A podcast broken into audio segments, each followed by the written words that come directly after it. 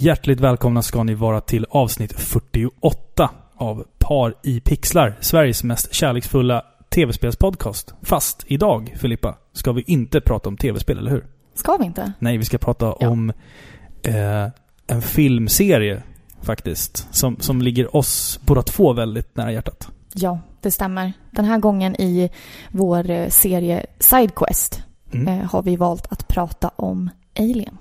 Och Prometheus. Ja, en Mm. vattendelare. Men Ja. ja. vi har valt att ta med den faktiskt. Ja, vi känner väl att den kanske går före eh, Alien vs Predator och eh, andra sådär. Ja, det stämmer. Vi kommer prata om Alien, Aliens, Alien 3, Alien 4, Resurrection och Prometheus. Ja. Rulla vignett då. Ja.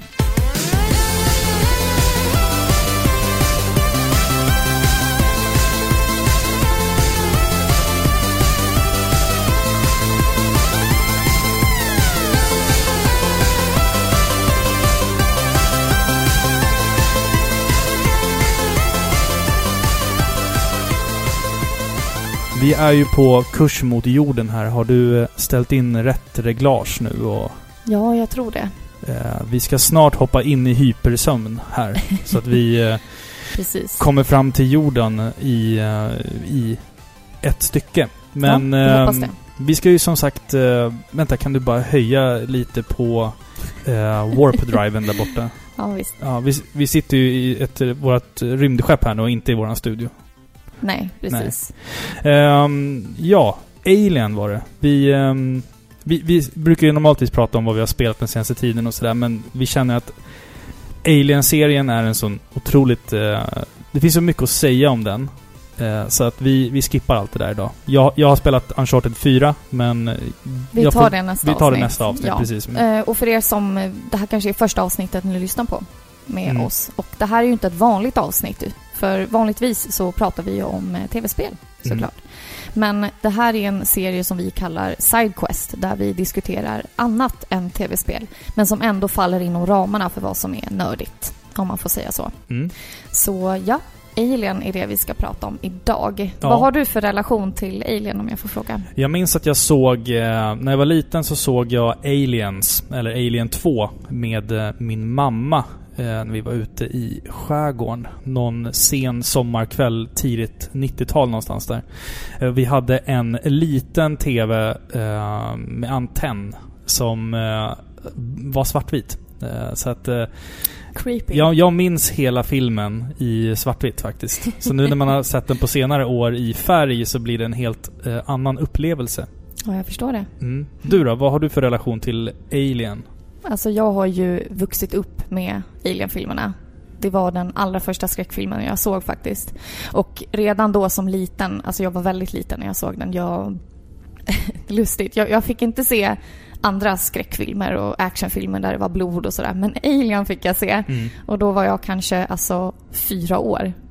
Eh, och redan då så slogs jag av den här mystiken och spänningen och skådespeleriet. Och jag, jag fick faktiskt en leksak av min bror, en, eh, en sån klassisk alien. Lila hade den. Eh, den var lila med stora klotformade ögon och så. Mm. Och då döpte jag den till Ripley.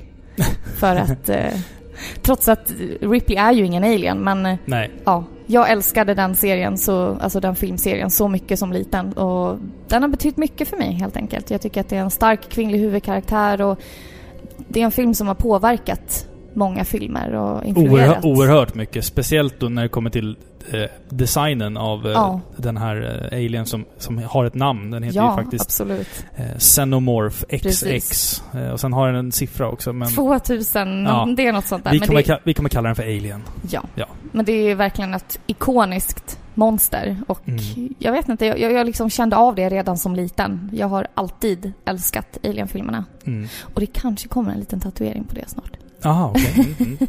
Nej men Alien har ju, den har ju inte bara influerat um, alltså film, filmindustrin, den har ju även influerat väldigt mycket spelindustrin om, om man tänker på spel som Probotector eller Contra, eh, Super Metroid eller Metroid. Eh, den typen av Alltså ha, Alien eller Xenomorphens utseende har ju liksom blivit någon form av standard för läskig Alien. Visst är det så? Ma- Man kan inte tänka på universum och eh, Alien utan att få upp den här eh, klassiska Giger-Alien i huvudet. Nej, exakt. Exakt.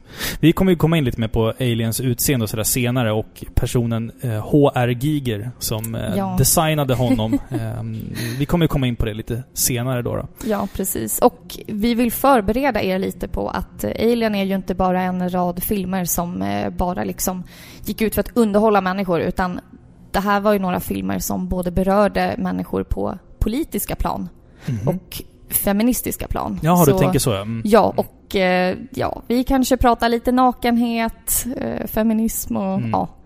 Ni får eh, stå ut med det helt enkelt. Vi är ju väldigt medvetna om att Alien-universumet är enormt stort och sträcker sig liksom utifrån filmerna till serietidningar, till noveller, till spel. Men det som vi har valt att gå efter, det är Alien 1 till 4 plus Prometheus. Och sen så har vi även tagit lite referenser från en bok eh, Ja. som vi kommer prata om lite längre fram här.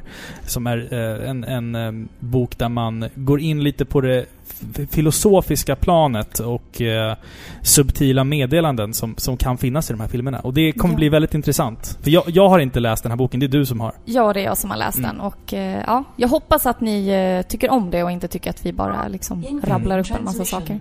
Vänta, vi har fått ett meddelande här. Vänta, jag måste Jaha. bara titta. Jag måste knappa lite här bara.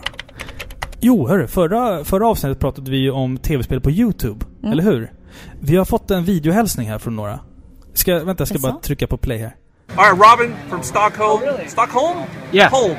It's Stockholm. Oh, oh, home. Man, too bad you couldn't be here. We would have loved to meet you. Uh, we're going to buy a lot of stuff in your honor. How come Robin's not couldn't, here? couldn't afford it Oh man. because Well, he has a new newborn kid as well. oh so- well, congratulations on the newborn. That's way more important than us. So don't feel bad about it. Yeah, uh, well, we're just as big babies, so. so you're, you're, you're getting a taste of what it would be like hanging out with us just be at home with a baby, so you're not really missing much. Wow! Hörde du det där? jag fick en personlig hälsning från jorden. Ifrån, ifrån Game Chasers. Det är helt overkligt. Robin har fått hybris. Yes, jag, jag, det är skickat från Joakim Olsson. Tack så jättemycket Jocke. Alltså, en personlig hälsning från, från jorden, från Game Chasers. Det, undrar om de vet om att jag sitter i ett rymdskepp utanför jorden. Jag tror inte det, Jag men tror jag tror att de skulle vara avundsjuka om de visste om det. Wow. Fan vad häftigt. Ja. Wow. Didn't see that one coming. Nej, precis, precis. Ehm, vi skulle prata om Alien. Ska vi kasta oss in i den första filmen? Ja, jag tycker att det är redo. Innan vi börjar så måste jag bara säga att från början så var det ju tänkt att den här filmen skulle heta Star Beast. Ja, Vilket är väldigt stämmer. märkligt. liten notis. Vilken notis. Ja. Vi kommer att prata eh, lite om filmens story och sådär. Vi kommer inte liksom berätta igenom eh, hela filmen, utan vi kommer lämna några element. eh, Men vi kommer ju alltså spoila väldigt, väldigt, väldigt, väldigt mycket. Det viktigaste är ju våra åsikter kring filmerna. Ja men exakt. Vill du börja berätta lite? Vad, vad handlar Alien om? Ja, Alien, den första filmen då, Mm. eh, den kom ut och visades för första gången 1979. Det är en eh, sci-fi thriller slash skräckfilm kan man säga. Och det är eh, Ridley Scott som har regisserat den här filmen. Och just den här filmen kom att utgöra stapeln för det här episka sci-fi-dramat. Och det här är faktiskt en film där biobesökarna på riktigt spydde eller svimmade på grund av den här skräcken som de kom att känna. För det här, det här var någonting som de aldrig tidigare hade skådat. Eh, och det gör att Alien för mig är en väldigt uppskattad eh, film faktiskt. Eh, och jag har läst faktiskt att de ville ha samma miljöer i, eh, som det är i Star Wars-filmerna. Att de tog inspiration från det. Ja, det märks ju rätt tydligt. Ja, det märks. Men samma gore och slasher liksom som det finns i Texas Chainsaw Massacre. Mhm. Så det tycker jag sammanfattar ganska bra. Men vad handlar filmen om? Jo, i en avlägsen framtid så får vi följa besättningen på sju personer eh, ombord ett fraktskepp som heter Nostromo. Och de har precis påbörjat sin färd eh, till jorden. De har avslutat sitt uppdrag och de ligger i kryosömn. Men den här sömnen blir eh, väldigt kort, den blir tillfällig för att datorn som heter Mother väcker besättningen helt plötsligt på grund av en okänd signal. Och den här signalen verkar komma ifrån en närliggande måne. Och enligt då protokoll som de måste följa så måste de undersöka den här källan eftersom det kan vara en ja, någon som behöver hjälp eller det kan vara för att undersöka liv etc. etc. Och eh, det här är ju inga soldater, det här är vanliga människor som jobbar så de är rätt så motvilliga och de vill inte det här. Men ja, de går ner för att undersöka den här planeten. Och det de möts av här är en ogästvänlig, stormig och mörk planet. De tar sig sakta framåt och de möts av ett enormt kraschat rymdskepp. Och man ser vid första anblick att det här är inte mänskligt. Det här är någonting helt annat. Eh, och det de hittar där inne, det kommer att förändra ödet för hela mänskliga rasen. Mm. Dun, dun. Ja, verkligen. Vi ska säga också att den versionen som vi har sett är the theatrical version. Det finns ju en hel del olika versioner av de här filmerna. Jag tycker att vi ska klargöra innan varje film vilken version vi har sett. Ja, det stämmer. För de skiljer sig väldigt mycket, många av de här filmerna. Ja, det gör det. Den vi såg, eh, theatrical version, Mm. det är den eh, som folk säger att man ska se. Ja. I den andra versionen så är det lite extra scener som enligt regissören Ridley Scott bara tyckte, eh, alltså det bara segade ner tempot. Mm, mm. Så se den, se båda versionerna om ni vill, såklart. Exakt. Men den är inte nödvändig. Nej. Men jag kommer ta upp lite scener från den andra versionen också faktiskt. Mm, exakt. Eh, Men, eh, Alltså den här filmen pitchades ju som Jaws in Space. Alltså Hajen fast i rymden. Och eh, den fick en dubbel budget efter att eh, Star Wars hade gjort en sån succé. Och det roliga är att i, alltså i, ef- efter det här extremt häftiga anslaget, du vet. Man ser bara en, en panorering över rymden liksom. så Och sen så underbart. dyker de här bokstäverna upp som då bildar Alien. Det är bara så här streck. Och sen ser man liksom att det blir ett A och sen ett L. Det är häftigt. Det är nästan som ett pussel. Ja, exakt, men direkt efter så ser du ju liksom undersidan, underredet av det här enorma rymdskeppet och det är ju som klippt rakt ur Star Wars. Ja, visst är det det. Att, Man eh, ser det på en gång. Ja. Men alltså, jag skulle nästan vilja börja med det som är väldigt uppenbart för mig och det som är en av filmens eh, största egenskaper och det är Mm. just skådespelet. Det här är underbart skådespel i den här filmen. Eh, nog för att Xenomorph har blivit symbolisk för eh, eh, Alien-sagan. Mm. Men det vore ingenting utan skådespelerskan Sigourney Weaver som då spelar eh, löjtnant Ellen Ripley. Mm. Alltså, från början, det här är rätt roligt, så skulle ju Ellen Ripley vara, eller inte Ellen, men i Ripley Mm. var en man. Ja, exakt. Men de ändrade sig. För Mm. att tiden var så också att de kände att de behövde en kvinnlig protagonist. Så här får vi istället en stark, kvinnlig, mänsklig protagonist utan eh, några som helst stereotypa egenskaper. Mm. För jag menar, hon är kvinna, men för den skullen så är hon inte superfeminin och blyg och rädd hela tiden. Eh, och hon är ledare, men för den skullen så är hon inte gnällig eller bossig som kvinnliga chefer på den tiden liksom utmålades hela tiden. Utan hon är människa och det gör att hon blir en trovärdig karaktär. Och hennes karaktär gör en enorm utveckling genom hela filmen.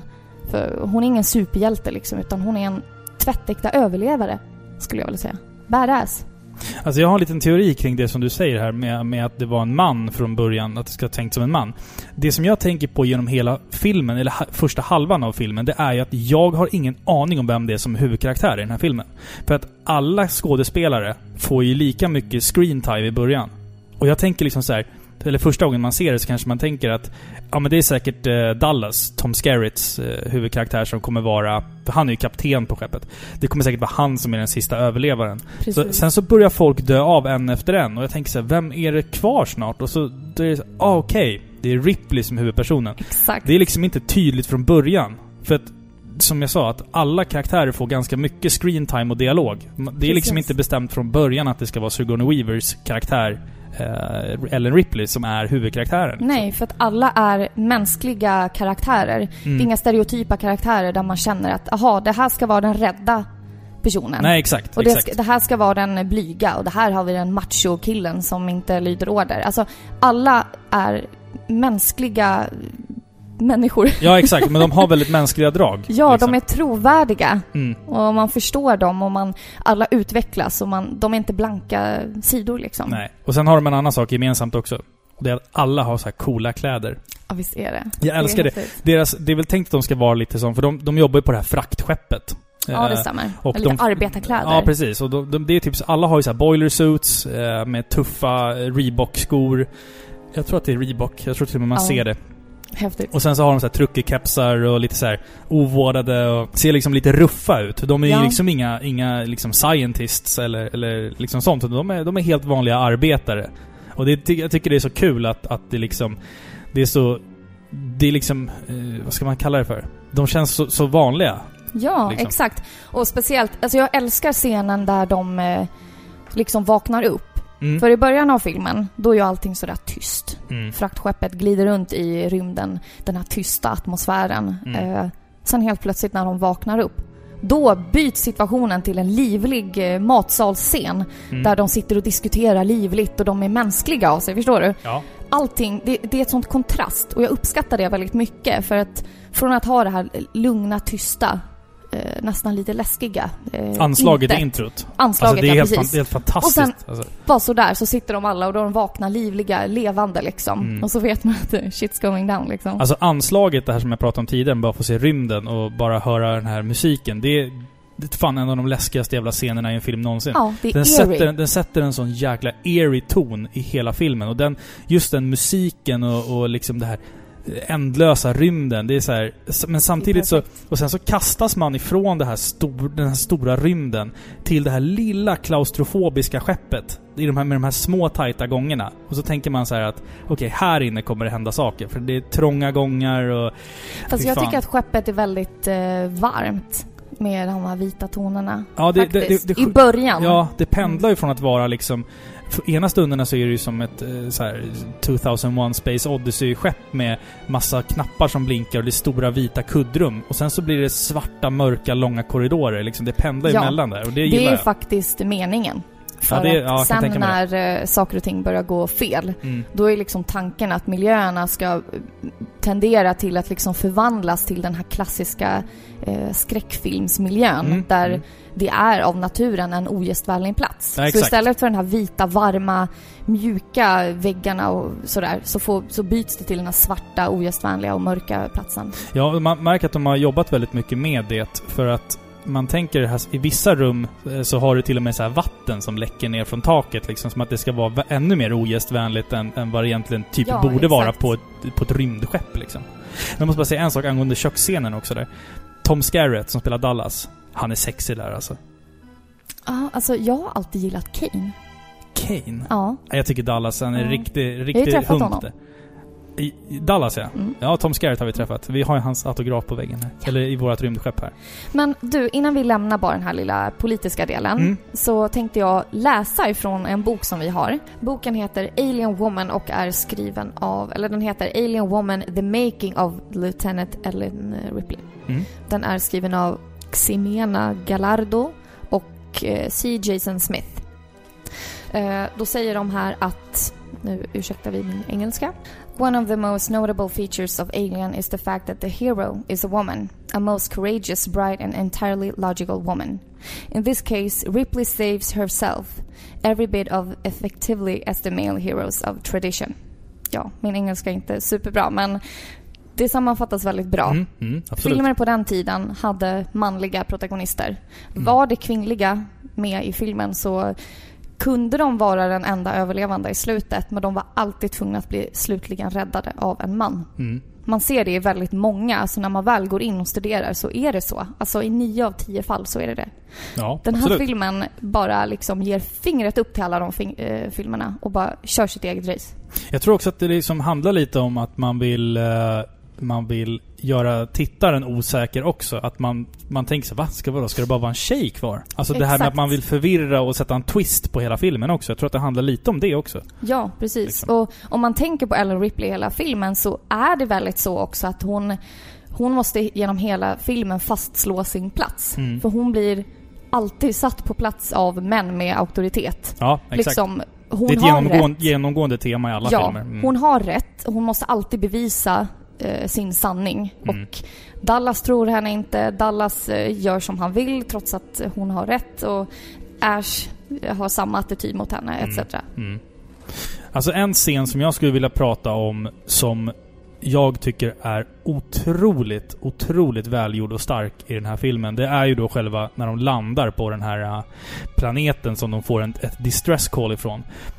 Allting med den här scenen är helt enastående perfekt. Från att de kliver av och ser det här enorma bygget som ligger där och är helt kraschat liksom. Det, där de går in och i det här rymdskeppet och man ser verkligen att det här är inte mänskligt byggt. Det är någonting annat som har varit här inne. Och liksom gångarna och alla stora salar och det de möts av där inne. Det känns verkligen organiskt. Det känns inte som att det är liksom byggt med, med block. Utan det är verkligen levande känns det som. Det känns som att man är inne i någonting. Någon menar jag. Man är inne i, i ett, ett, en, en främmande varelse känns det som. Eh, och man ser den här, den som senare blev kallad för The Space Jockey då, då som sitter i en enorm stol och typ tittar ut genom ett, vad ska man kalla det för? Ett förstorings... Vad heter det? Teleskop ser det ut som. Eh, och eh, alltså allting som händer där det är, för mig är det verkligen höjdpunkten i filmen för att det bygger upp en sån enorm mystik. Och även när filmen är slut sen, senare, då lämnas du fortfarande med frågan så här, men vad fan var det där för någonting ens? Var, var, det, var det xenomorfernas skepp eller var det någonting helt annat? Vart var de någonstans? Det är så mycket mystik i filmen som jag verkligen, verkligen uppskattar och det tycker jag är en sak som generellt sett serien tappar lite längre in. Den här mystiken, men den är som tätast och som bäst i den första Alien-filmen. Ja, jag håller med. Jag, jag gillar hur omgivningen är liksom trovärdig. Den Mm. berättar en historia, en... Den målar upp ett helt universum som gör att man vill veta mer. Saker och ting är inte bara på en plats bara för att, utan de har ett syfte. Och det väcker frågor, vilket gör att det blir liksom mystiskt. Till exempel Space Jockeyn. Vem men är han liksom? Exakt. Så det, jag älskar att man inte fick det svaret riktigt, utan Men vi fick det Vi några fick år se- vänta vi några decennier på Ja, det, ja. precis. Vi fick svaret några decennier senare, ja precis. Men mycket på grund av, alltså det du pratar om, Mm. mycket har ju att göra med eh, HR Giger att Ja. göra. Mm. Är vi redo att prata om honom? Vi ska prata om en, en liten... Är han tysk va? Ja, eh, den här tyska märkliga konstnären Mm. alltså.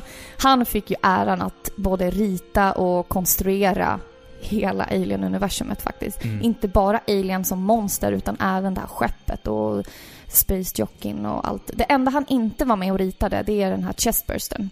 Mm. För han, eh, han blev inte nöjd med det. Så han, eh, Chestbursten är den som i, i den här filmen väldigt ikoniskt splattar ur någons bröstkorg här Ja, och skriker. Vi, vi lyssnar på den scenen här bara. Ja.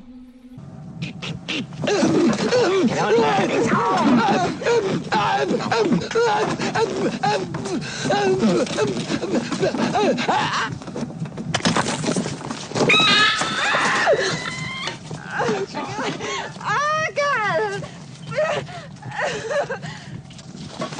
No, no, no! Touch it! Don't touch it!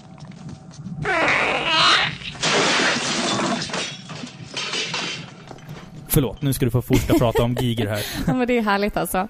Eh, och det var ju tack vare honom kan man säga som Alien inte bara blev en i mängden av sci-fi monster utan Alien är ju banbrytande i både kulisser och miljö och allt sånt. Mm. Hans liksom, ah, hur ska man förklara honom? Hans- Hans svarta, gotiska, industriella och en aning sexuella konstverk. Men också jag organiska. Ja, Det- biomekaniska skulle jag Ja, vilja säga. bra, bra sagt. Eh, det har ju skapat ett unikt monster. Det finns ju inget monster som är lika skräckinjagande men elegant som Alien, Nej. faktiskt. Den är ju vacker. Den är ju det. Man Liksom. tycker ju det. Den är Mm. ju häftig liksom. Mm. Men eh, du har ju sett hans målningar, eller hur? Ja, jag har sett Ja. ett par. Mm. När man tittar på hans målningar, eh, då ser man ju ganska tydliga sexuella anspelningar. Ja, hyfsat, ty, hyfsat tydliga. Ja, alltså det är vaginor och penisar överallt. Det Mm. finns speciellt en bild som jag tänker på, eller en målning, Mm. där man ser liksom ett eh, industriellt maskineri som Mm. ser ut som två särade ben. Mm. Och sen då i mitten så körs det upp en eh, cylinder. Och ja, jag tror ni fattar vad jag menar. Ja, jo, exakt. Ja. Mm. Och alltså tanken var ju faktiskt att eh, det skulle vara en sexuell relation mellan Ripley och Alien. Mm. Exakt. Och det här kanske kommer som en Chock för Chock. många. för många. Och jag förstår det, för att det är liksom ingenting man kanske ser så. För att egentligen så vill ju Giger ha ännu mer av det här. Mm. Men eh, faktum är att eh, enligt honom då, hans grundidé, det är att Alien ska ses som något eh, kvinnligt monster som med sin eh, fallusliknande lemmar penetrerar och impregnerar offer. Ja, främst män var det väl tänkt. Ja, Mm. främst män. Och det liksom ska förkroppsliga typ rädslan för den starka modern typ. Och Mm. rädsla för att man som man ska bli fråntagen sin manlighet. Mm. Och liksom bli våldtagen.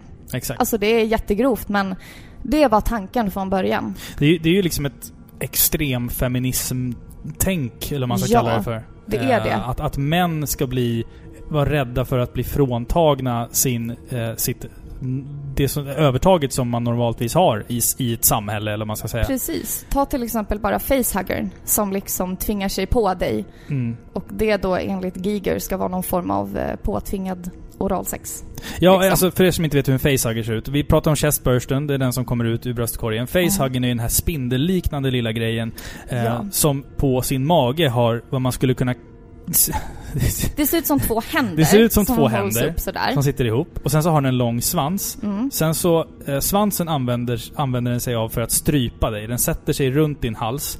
Sätter de här två ansiktena, som är dess tentakler, Ansiktena. Ditt, äh, sätter sig- händerna som Ja. är, som är som... Alltså, dens ben ser ut som mänskliga fingrar.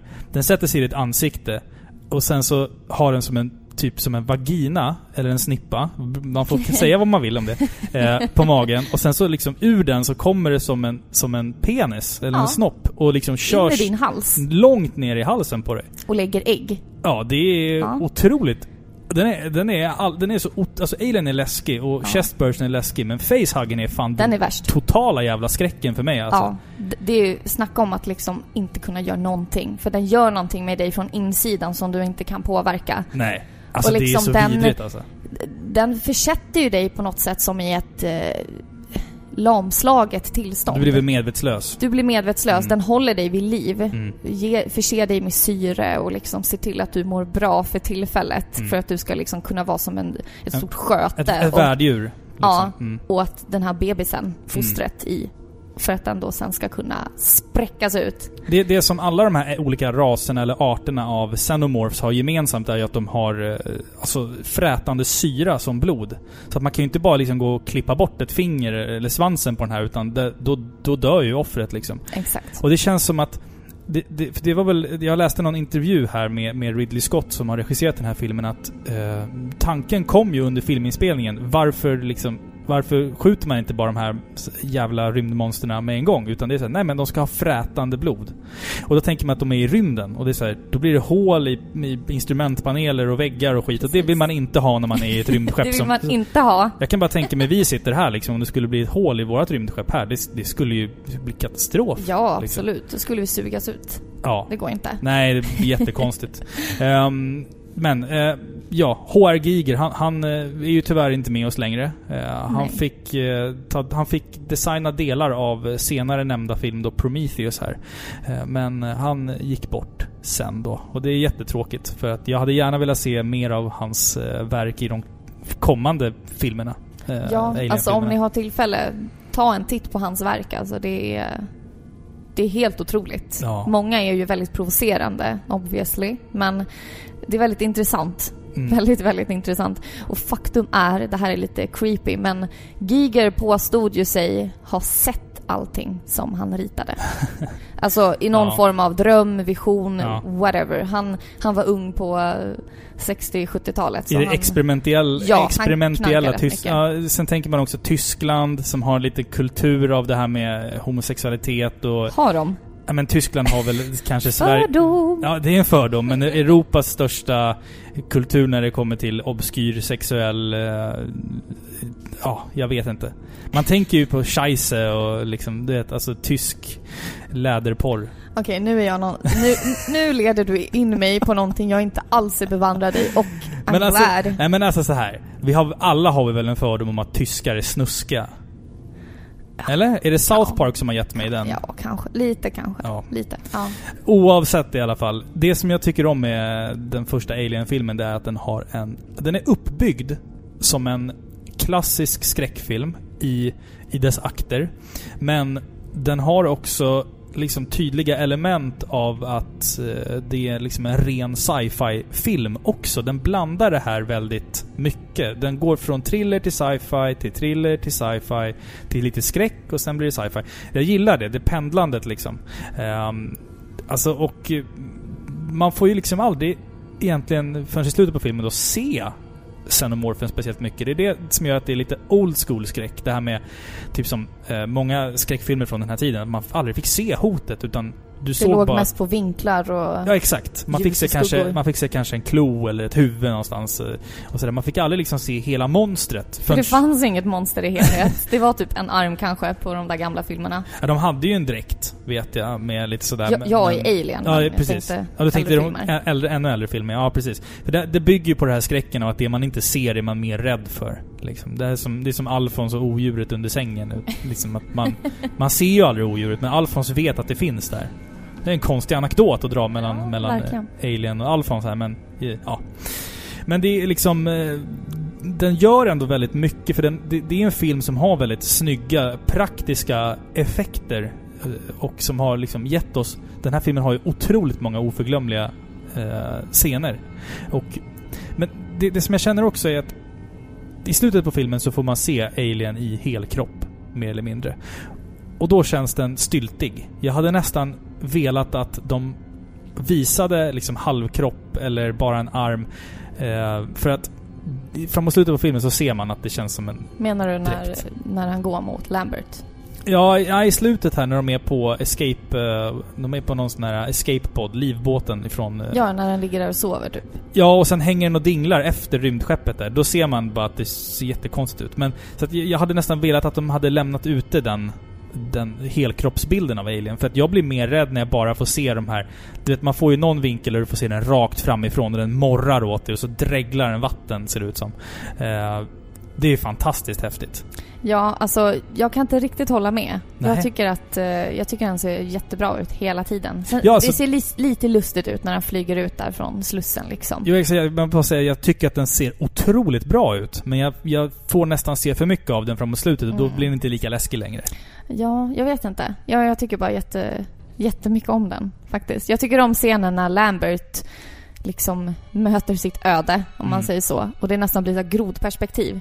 Ja, man jo, ser hur den Mm. vänder sig om och går sakta mot... Alltså det är så äckligt. Mm. Det är creepy. Och funny eh, thing about Lambert. Mm. Varför pratar jag engelska? Jag vet inte. Jag vet inte. Men det måste jag ändå säga. För jag lovade att säga en detalj om versionen vi inte såg. Ja. Men i versionen vi inte såg då, Mm. alltså den här special edition, då får man ju se ännu mer den här dispyten som Lambert och Ripley har mellan varandra. Mm. Det är de enda två kvinnorna på skeppet och det är någonting mellan dem. There's bound to be some tension. Ja, precis. Ja. Det är lite drama liksom. Mm, mm. Och i en scen då som inte var med i Theatrical så slår ju Lambert Ripley i ansiktet. Mm.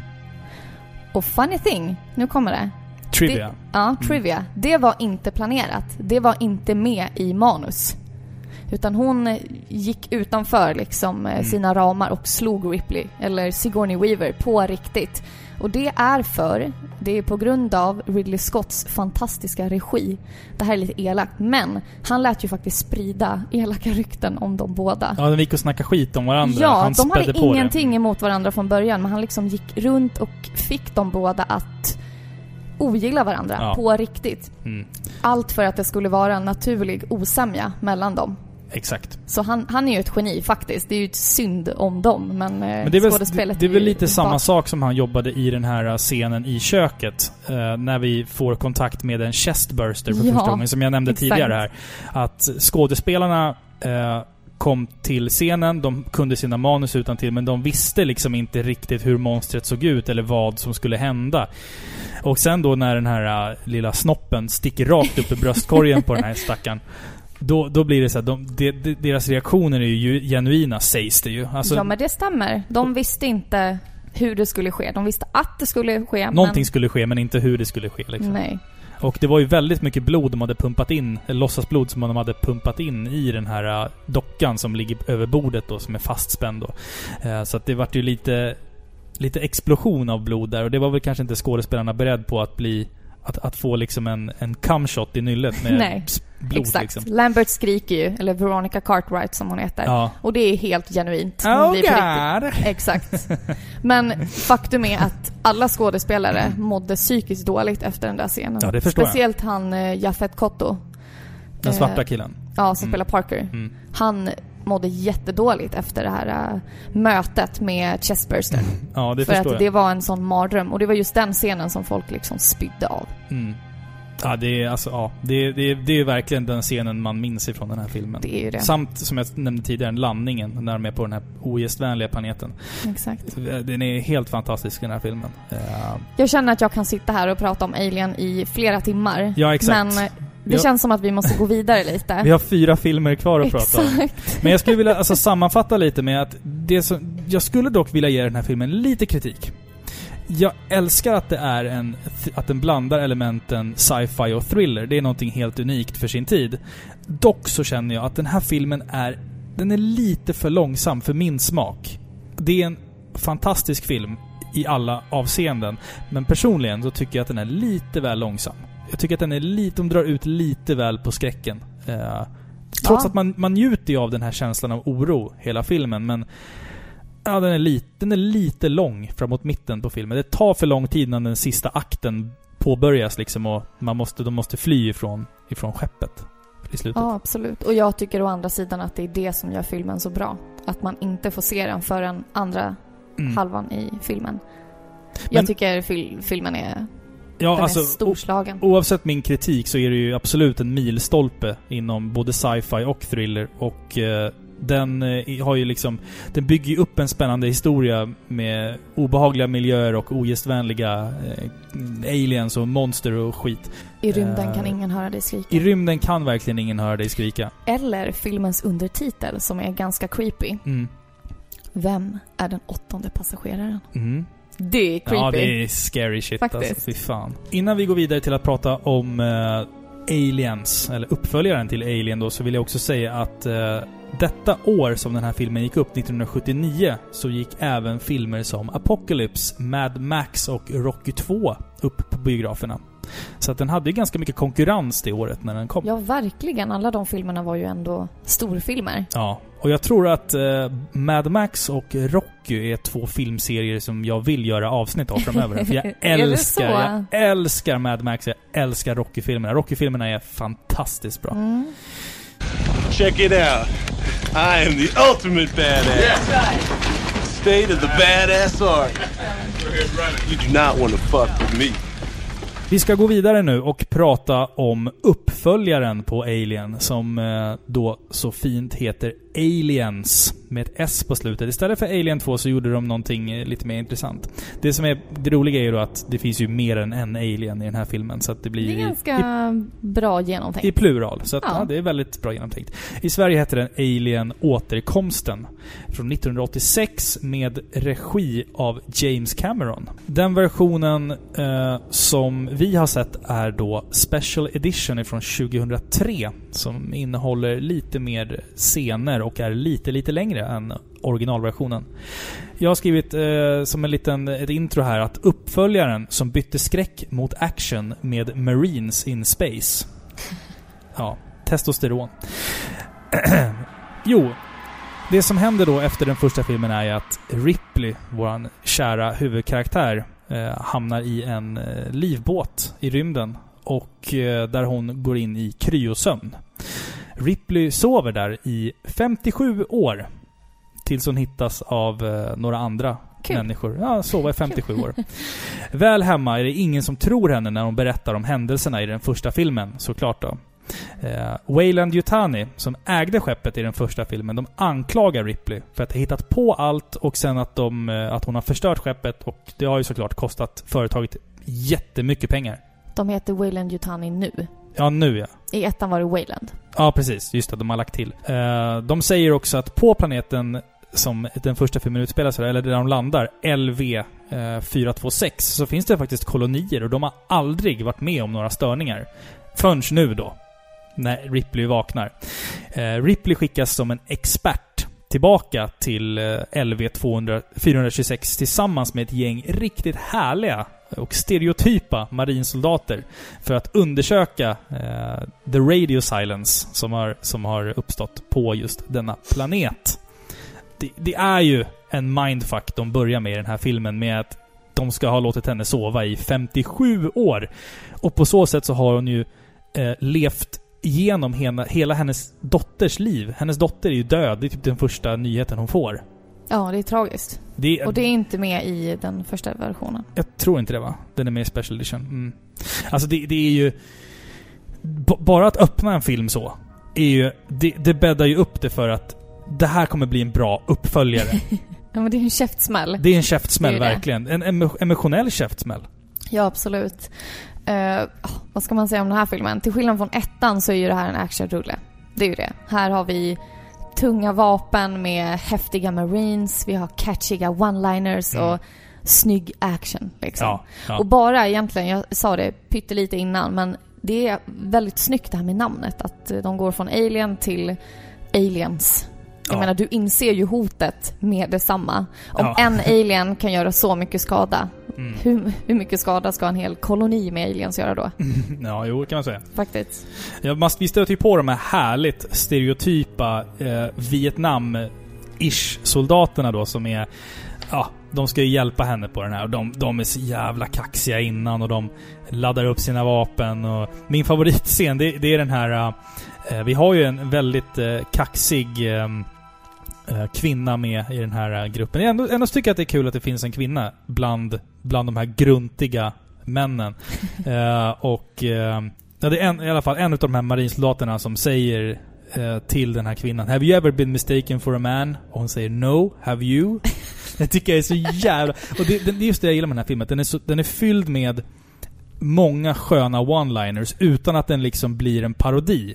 Alltså de är ju så här. De Ja. här marinsoldaterna. Det stämmer. Den, eh, alltså det här är en 80-talsrulle.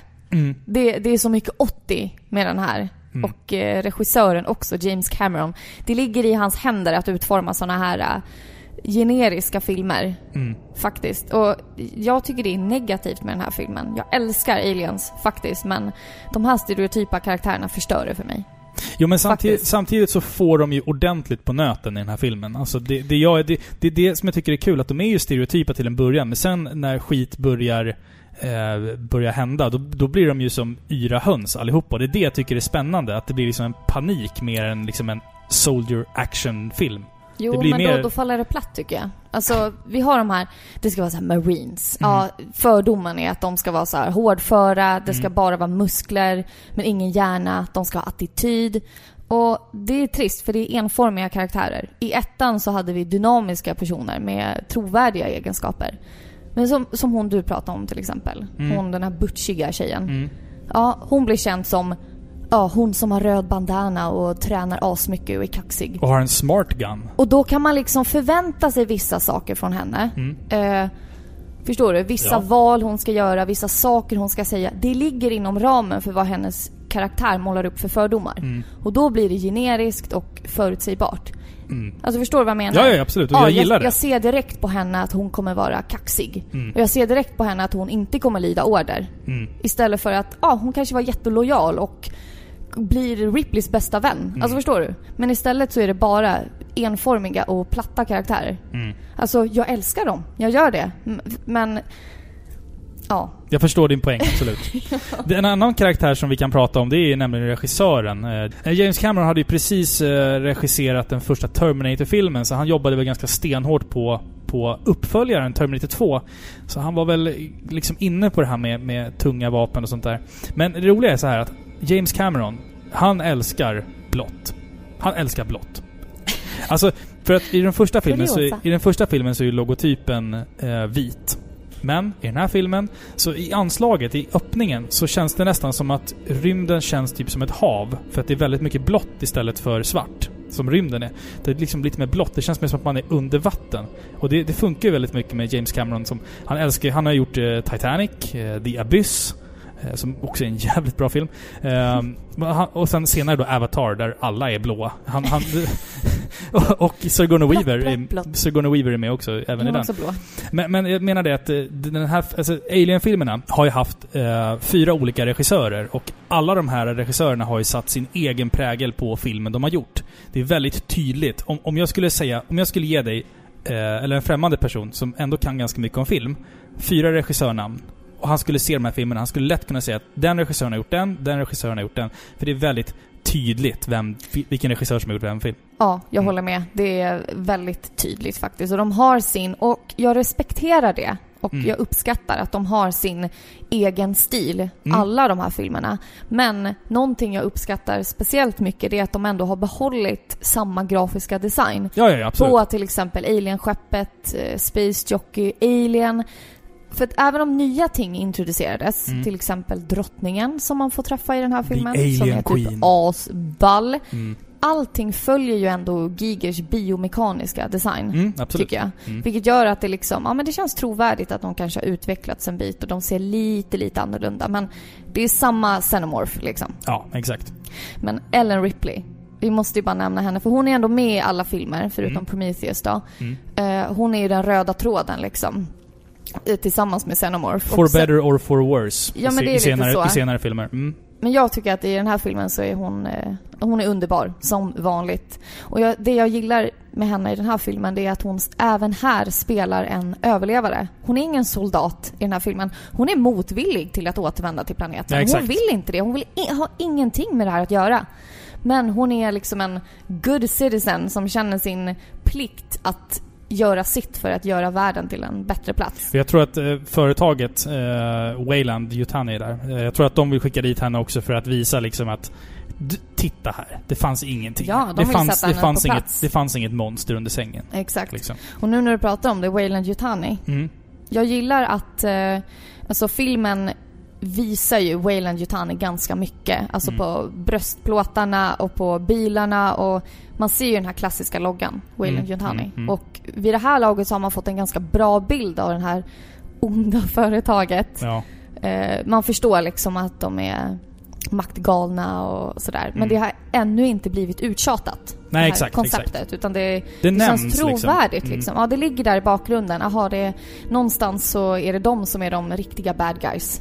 Ja, liksom. exakt. Och Wayland Yutani kommer ju komma tillbaka i senare filmer och betyda, ha en väldigt mycket större betydelse. Ja, Än- än precis. just i- Och jag, jag uppskattar det väldigt mycket. Att, att de gräver in liksom en liten plot device i den här filmen, eller i den första filmen redan, som liksom sen återkommer i de senare filmerna liksom, och betyder mer och mer och mer i Ja. varje film. Det Alltså tvåan tar ju detaljerna från ettan och Mm. alla de olösta sakerna, inte alla, men tar många olösta saker och liksom spinner vidare på dem i helt rätt riktning. ja, exakt. exakt. Och liksom skapar inte en massa egna konstiga saker som liksom bara ställer frågor och förvirrar utan de håller samma ram Mm. och liksom lägger till lite och gör det till sin egen touch liksom. Mm. Och det är så en bra uppföljare ska vara. Ja, alltså, det, alltså, vi kommer komma in på liksom det när vi pratar lite grann om sammanfattningen av den här filmen, men det här är den optimala uppföljaren på en film. Alltså, man kan inte göra en uppföljare bättre än det här. Nej, alltså de gör ju allt rätt. Vi har ju bytt ut det här klaustrofobiska rymdskeppet som vi hade i första filmen mot ett koloniläger eh, med både mer korridorer men också lite mer utomhusmiljöer. Miljöer.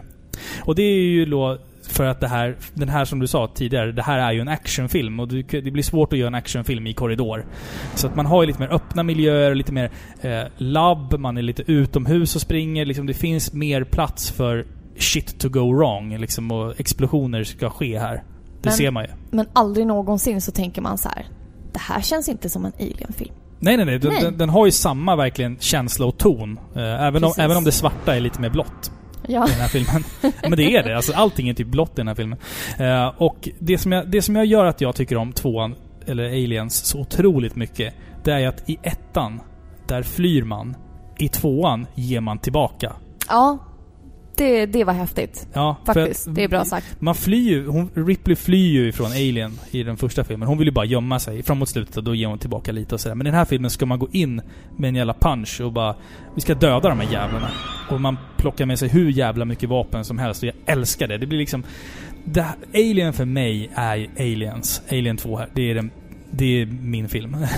Ja, alltså faktum är att Aliens var min favoritfilm också Mm. när jag var liten. Men det var mycket på grund av den här lilla flickan Newt som de hittade. Det var som att jag identifierade mig med henne. ja, hon är den enda överlevaren på Hon den är här enda planeten. överlevaren av den här kolonien. Mm. Men det som är det bästa med den här filmen, alltså helt ärligt, det Mm. är ju drottningen. Alien Queen, ja. Mm. Alltså det finns inget mer häftigt än Alien-drottningen. Nej, det, Alltså den är så ball. Det, det är ett exempel på att praktiska effekter är bättre. är bättre än CGI. Ja, alltså alla monster i den här filmen är så snygga, verkligen. Ja. Och fighten med drottningen i slutet, det är den bästa scenen i hela... Ja. Alltså, det var ju lite uppenbart, den här trucken versus the Queen. Alltså det var ju lite obvious plot device. ja, hon sitter i en sån här... när hon eh, visar att hon kan köra den. En sån här carrier, eller vad man ska säga. Ja, precis. Mm. Det är en plot device i början av filmen att man... Men det är så sjukt snyggt. Det är Ja. så ballt. Ja, alltså, och det känns ju som att... Det, den här gången så fick de till det bättre med praktiska effekter. För jag tror att tekniken inom just den, eh, typ, den typen av filmskapande hade... Det hade hänt rätt mycket på den fronten. För att nu är vi ändå i 1900... Slutet, eller mitten på 80-talet här. Så att det hade hänt väldigt mycket. Precis, de kunde liksom riskera att eh, visa lite mer av Alien. Ja, exakt. Och de lyckades. Och eh, för mig så, jag tycker att Alien, den har sitt perfekta utseende i den här filmen. För att det är praktiska effekter, det var innan det blev för mycket datoranimering i de senare filmerna. Alien känns levande i den här filmen. Eh, De känns läskiga. Och Alien Queen, bara titta på det där jävla bygget. Det är Alltså det är helt så fruktansvärt otroligt ogästvänligt att titta på. Ja. För, Och hon är alltså, intelligent. Det älskar jag. Alien, det är inte... Alltså i den här filmen, de utmålas inte som... eh, Det gjorde de inte i ettan heller, men de, Mm. de är inga monster på det sättet. Nej, nej, nej. De är en nästan mer intelligent ras än vad vi är. Ja, ja, absolut. Och det är så... Åh, det är skräckinjagande. För det jag menar, eh, o- odjur och monster och alltså djur och sånt där. Mm. Det, det är ju inte läskigt på det sättet. För de, de känner man ju att vi har ju vår intelligens. Mm. Och vi kan ju alltid slå tillbaka för att vi är smartare. Mm. Men det kan man inte här. Nej. Förstår du? Nej, De- nej, nej, exakt. Är ju smarta. Ja, de, de är ju farligare också än vad vi är. För vi har ju Ja. våra skjutvapen och sånt där, men de har ju som sagt sitt, sitt syra blod som kan slå tillbaka. Och det, det är ju några i den här äh, gruppen med äh, grundt-soldater som får sånt här syra på sig och blir väldigt skadade. Men äh, alltså, jag vet inte vad jag ska säga mer om den här filmen än att, än att jag kan säga att det är personligen så är det, den är på min topp 5-lista någonsin över absolut bästa filmer som någonsin har gjorts. Det är ett lysande recept på hur man gör en fantastiskt bra uppföljare med en ny regissör. Eh, och manus, regi, allting är 100% felfritt i den här filmen. Jag skulle inte vilja ändra någonting. Det enda som jag har litet klagomål på, litet klagomål, det är att musiken är lite för storslagen ibland och känns lite missplacerad framåt slutet. Man märker på musiken att den vill verkligen vara en actionfilm, än att den vill vara en skräckfilm. För man har bytt ut de här eh, ostämda stråkarna, liksom, som ligger och skär lite i öronen på dig. Och, Ja, det är ju inte kusligt längre. Nej, nu är det ju exakt. pampiga... Exakt. Ja. Det är en pump. brassorkester i bakgrunden som talar om för dig. Det här är episkt, det här är storslaget. Ja, exakt. Liksom. Exakt. Och den, en av de scenerna som jag kommer ta med mig från den här filmen och som jag alltid bär med mig, det är ju knivtricks-scenen där, eh, Med Bishop. där androiden eh, Bishop eh, ska... Eh, alltså han för ju en, en kniv så här liksom emellan fingrarna så här. Så ser du som jag. Jag kan göra ganska snabbt. Men sluta. Jag kan göra ganska snabbt. Du, du ska bara hålla på med massa grejer så skadar du dig. Som idag när du klättrar upp för någon eh, lekpark Ja, men- och bara kom därifrån med värsta blödande brännmärket. Jag gillar att leva farligt. Ja, men du är ingen barn längre. Nej, nej. Jag kan göra knivtricket ganska snabbt. Fast Bishop kan göra det bättre än mig. Ja, gör det med en kniv då. Ja. Jag har faktiskt gjort det på jobbet och det var, de satt och sa wow efteråt. Aha. Faktiskt. Sen satte jag den Kul. rätt i fingret, men det är en annan historia. Nej, men jag skulle eh, sammanfatta bara. Det, det här är som sagt ett recept på hur man gör en fantastisk uppföljare och eh, jag tycker att det här är hela seriens höjdpunkt. Sen går det ta mig fan bara utför. Faktiskt. Ja. Det, det blir aldrig bättre än så här, Nej. skulle jag säga. Har du något mer att säga om den här filmen? Nej, jag, eh, jag är klar. Jag tycker att du har sammanfattat väldigt bra. Mm. Jag, jag märker att du brinner för den här filmen så jag har låtit dig prata lite. Ja. Vi ska ju säga att filmen avslutas ju med att eh, Alien Queen besegras och att eh, Ripley tillsammans med en av marinsoldaterna och den här lilla flickan Och Bishop. och Bishop, eller halva Bishop, Halva Bishop. Eh, hoppar på en, ännu en livbåt. Och Ja. eh, gör det möjligt för ännu en uppföljare. Ja. Mm. Mm, mm. Eh, 1986, den här, året den här filmen släpptes då, så var filmer, så var storfilmerna Stand By Me, Top Gun, men även bubblaren David Lynch film Blue Velvet. Aha. 1986. Oj, oj, oj. Mm. Mm. Mm.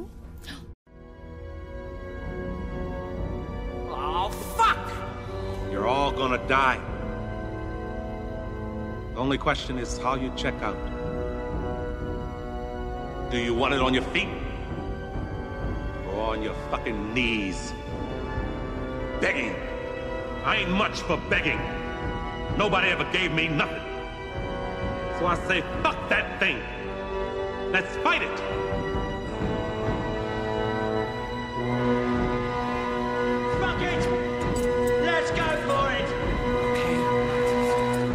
Ja, det är med smärre vemod som jag går in på den här faktiskt. Men eh, ja, what to do. Måste Ja. göra vårt jobb.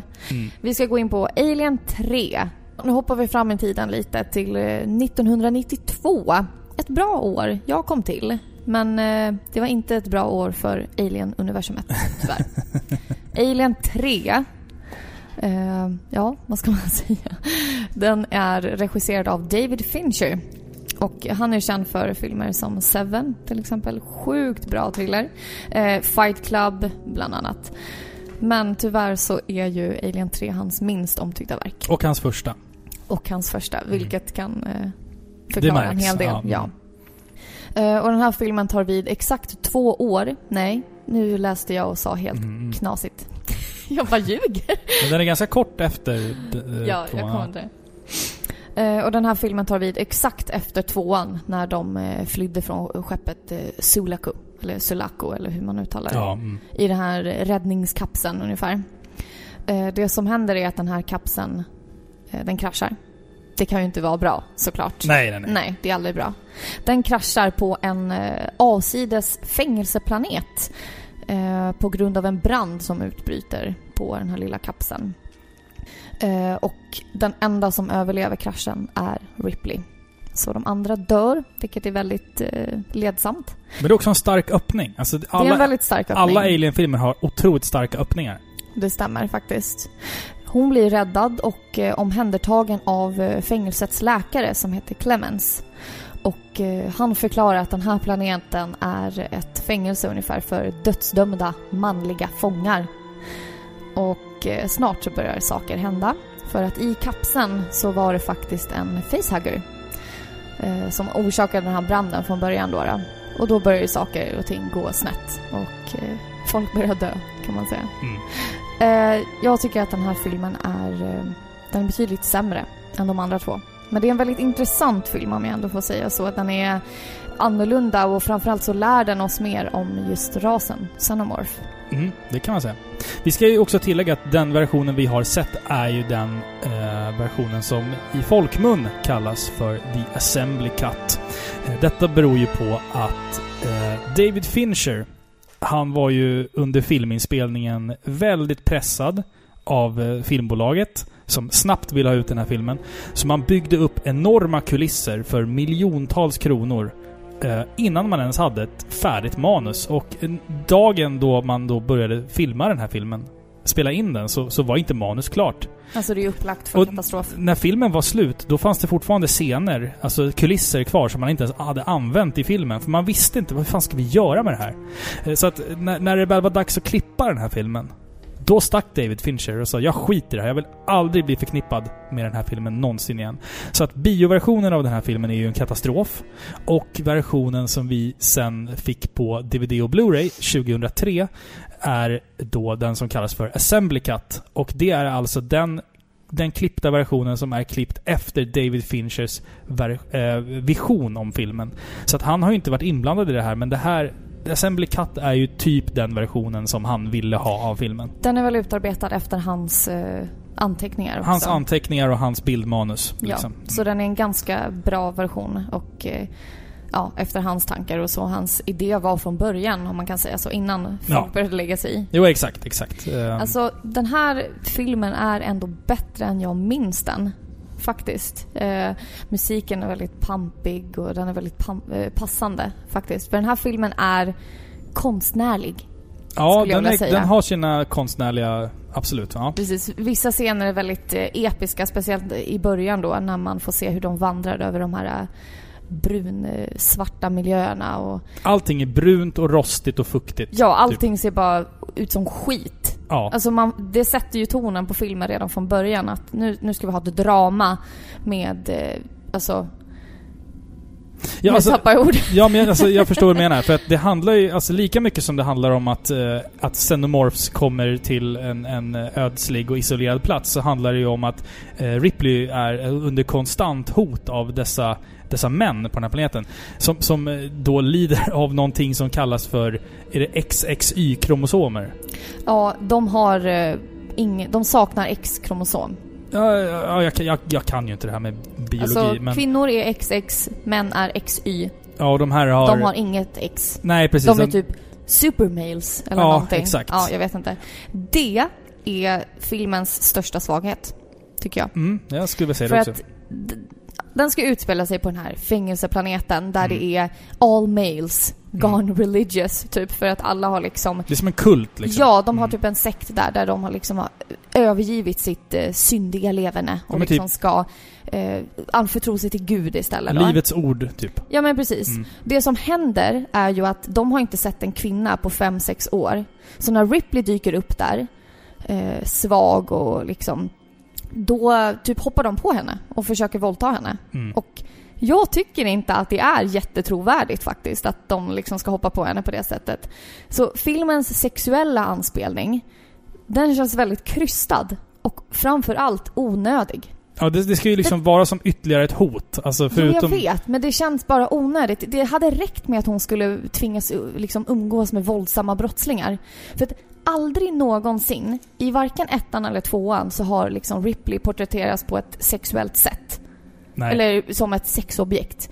Vissa kanske tyckte och ansåg att hon var snygg i ettan och Din tvåan. bror är ju väldigt förälskad i Sigourney Weaver. Jo, men det är lite det jag kommer. Det är Ja. inte för att hon liksom porträtteras som ett sexobjekt, utan det är mer för att hon för att hon är cool. Mm. Det är på grund av hennes egenskaper och hennes personlighet som man tycker om henne. Och helt plötsligt så blir hon sexuellt utmålad och hänger sig totalt.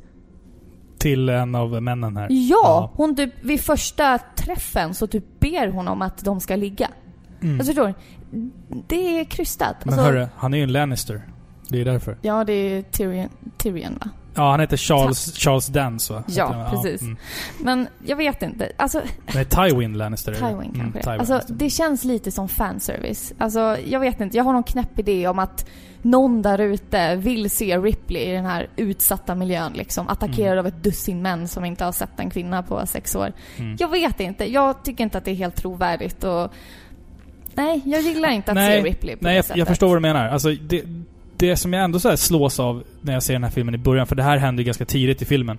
Eh, jag gillar liksom settingen, att det är typ som... Det är liksom en liten postapokalyptisk setting vi är i. Det är liksom... Det är ett gammalt fängelse som säkert har stått där i tusentals år och allt annat på den här planeten är bara typ grus och sand och sten. Så det gillar jag. Och sen också det här med att det är ett fängelse, det är en cool setting. Jag, jag, Ja, so, so far so good. Och sen då att alla fångarna måste ha rakade huvuden. Vilket även Sigourney Weavers karaktär Och hon Ripley passar bra i det. hon passar bra i rakat hår, absolut. I rakat huvud. Och liksom, so far so good. Men det är just där man ska kasta in att det bara är alpha males som är instängda på den här planeten och att det liksom ska vara ytterligare ett hot för henne att det ska inte bara vara en xenomorph som kommer löpa amok här snart utan det ska även vara att hon känner rädsla för att liksom bli våldtagen. Alltså, Alien-filmerna som vi pratade om tidigare, Gigers eh, grej är ju då att de här aliens ska på något sätt sexuellt förgripa sig på dig. Men det känns liksom lite konstigt också att även ha det hotet ifrån vanliga människor. Jag, jag förstår ju David Finchers idé kring det här. Eller kanske han skrev i och för sig inte manus då, men jag förstår ju manusskrivarnas idé kring det här. Att det liksom ska vara ett mänskligt hot också. Men som du säger, det känns liksom lite så här. Det är förlegat. Det är förlegat. Det är- alltså- Även 92 så var det förlegat.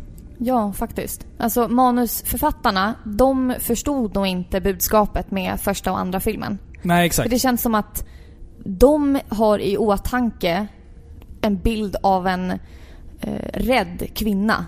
Mm. De typ gillar den bilden. Eh, av en... Utsatt kvinna, Ja, ja. utsatt kvinna. Ja, det är intressant i en film. Och sen ska hon slåss och Mm. visa sig vara bättre än dem. Men jag menar, det är det som hela ettan handlar om. Att hon... Hon behöver inte utsättas för sådana saker. Liksom. Hon är en stark individ och så känns det som i trean att hon ska straffas för det. Liksom. Mm. Ja men exakt. Och det är Alltså, jag, lite... vet inte, jag kanske läser in för mycket, men jag, jag gillar inte den idén helt enkelt. Nej, nej, jag, jag gillar inte den heller. Alltså, men en annan sak som jag måste bara Eller är du färdig med det? Nej, absolut. Men eh, såklart då, när den här, eh, deras livskapsel kraschar på den här planeten då, så var det ju som sagt en facehugger med någonstans gömd på den här. Eh, och det är ju en, liksom, det är byggt för att det ska bli en uppföljare då. så att, och, och, I alla fall. den här lilla flinka eh, facehuggen, den förökar sig ju snabbt då med ett värddjur. Eh, och i eh, bioversionen så är det en hund. Och i den här Assembly Cut så är det typ en oxe eller någonting så som, som får bli värddjur eh, för den första Alien. Och vi introduceras ju för en helt ny typ av Xenomorph här. Som ser ut mer som en, en hund, eller vad man ska kalla den för. Den är, den är riktigt snabb. Men den är också otroligt ful. För att man förlitar sig till 50% i den här filmen på praktiska effekter. Men också 50% på väldigt tidig computer generated eh, graphics. Eller man, CGI. CGI ja. Den är datagjord i alla fall, hälften av gångerna. Och 92 var ju inte tekniken riktigt där än. Så att någonstans så... När man ser den här Alien, eller Xenomorphen till och från, så, så liksom tänker man så, är det här en samma Xenomorph? Det finns ju bara en i den här filmen. Men man tänker så här, är det verkligen samma? För de ser så himla olika ut i olika vinklar och den liksom, den byter storlek. Ibland är den jättestor, ibland är den jätteliten. Så att där fick Den de det liksom... ju. Den växer, men ibland känns det som att den är större, ibland känns det som att den är mindre. Den typ pendlar i, i storlek. Och det, det får mig att tappa fokus på hela filmen. För det känns som att det är mer än en Xenomorph när det bara är en enda. Ja, jag håller med. Ibland vet man inte riktigt vad som händer faktiskt. Men jag uppskattar att det bara är en. Det är roligt. Det räcker ju liksom med en. Ja, men precis. Eh, och jag uppskattar att man får se liksom en eh, till sida av Xenomorph. Mm. Att den liksom kan... eh, alltså man lär sig någonting om den rasen. Att den kan ha djur som värld och inte bara människor. Och att den muterar efter det djuret som den liksom föds ur. Mm, exakt. Så jag menar den Xenomorph som vi har kommit att bli bekanta med i ettan och tvåan. Det är ju sådana som föds ur människor. Mm. Det är därför den har en människolik gestalt. Men den här som är från en eh, hund slash oxe, Mm. den blir ju mer som en, eh, som en canine. Jag fick, en, Liksom. jag fick en rolig idé. Tänk om, eh, om Alien i den, i den första filmen hade parat sig med katten istället för människan. Jonesy. Jonesy. Snälla, Undrar hur den hade blev sett det ut då. så Det för? hade blivit jättemärkligt. Men vet du, jag läste en lustig grej och jag vet inte om det här är sant. Mhm. Men jag läste runt på det så här Alien Trivia. Mm. Och då stod det att, alltså Alien i trean, att det typ inte alls är CGI. Utan typ den är manövrerad av fem stycken människor. Ja, men alltså, jag tror att det kan vara lite av de här praktiska effekterna. För att i många, Ja. i många scener så är den ju väldigt tydlig eh, datoranimerad och det, den känns liksom inte som att den... Alltså den, den känns liksom som att det är typ påklistrat på filmen. Det känns inte som att den är en del av sin bakgrund, utan Nej. det känns ju som att den är alltså på ett annat lager. Ja, visst gör det. Närmare dig än vad den är liksom. Och det är lite så som de effekterna på den tiden såg ut. Ja. Alltså de var ju kassa liksom. Så Mm. det, det är lite tråkigt. Det den åldras ju inte väl. Man stör sig på det när man ser den. Mm. Men annars, så kudos till dem för att de ändå har hållit Gigers modell. Ja, det, det har de gjort. det gör har de ju Ja, faktiskt. absolut. Men det, de, det, det räcker ju som sagt med en alien, för att det här är ju en fängelseplanet och de har ju inga vapen att försvara sig med. Så att de försöker liksom, för, för, för ur den förmåga de kan, att försöka liksom stänga in den och Lite som ettan. lite som ettan och försöka använda sig av det de har då. De har ju något så här jävla... Eh, någon fabrik där de försöker stänga in den framåt slutet. Det är ett jävla springande och jag fattar inte vad fan som händer. Jag bara, vad fan är det som händer? De bara springer och skriker i sista halvan av filmen. Exakt. Jag tycker att eh, alltså handlingen och så som den är eh, uppmålad på, den är... Mm, den är helt okej. Den är ganska tråkig faktiskt. Alltså framförallt så tycker jag att det börjar bli en aning uttjatat. Att hon vaknar upp, ingen tror henne, shit goes down, Ja. alla vänder sig till henne och hon fixar biffen. Alltså det är så här. Mm. Ja men det, precis. Det är tråkigt Alltså nu. den här filmen känns ju... Den känns... När man har sett den... Jag tyckte i och för sig att den var bättre nu den här gången än när jag såg den för några år sedan. Visserligen, den är lite bättre. Men den är ju fan inte bra. Nej det är den inte. Den är verkligen inte bra. Eller... Alltså jag tyckte ändå lite om den när jag såg den nu. Jag vet inte, jag står och väger mellan inte bra och bra. Den är helt okej skulle jag vilja säga. Mm, jag tycker den känns tråkig. Den är långtråkig. Jo, men jag tror att mycket beror på miljöerna. Alltså miljöerna, jag gillar dem. De är liksom smutsiga och svarta och så här. Det avviker en aning från ettan och tvåan, fine. Mm. Men jag tycker om den här konstnärliga approachen.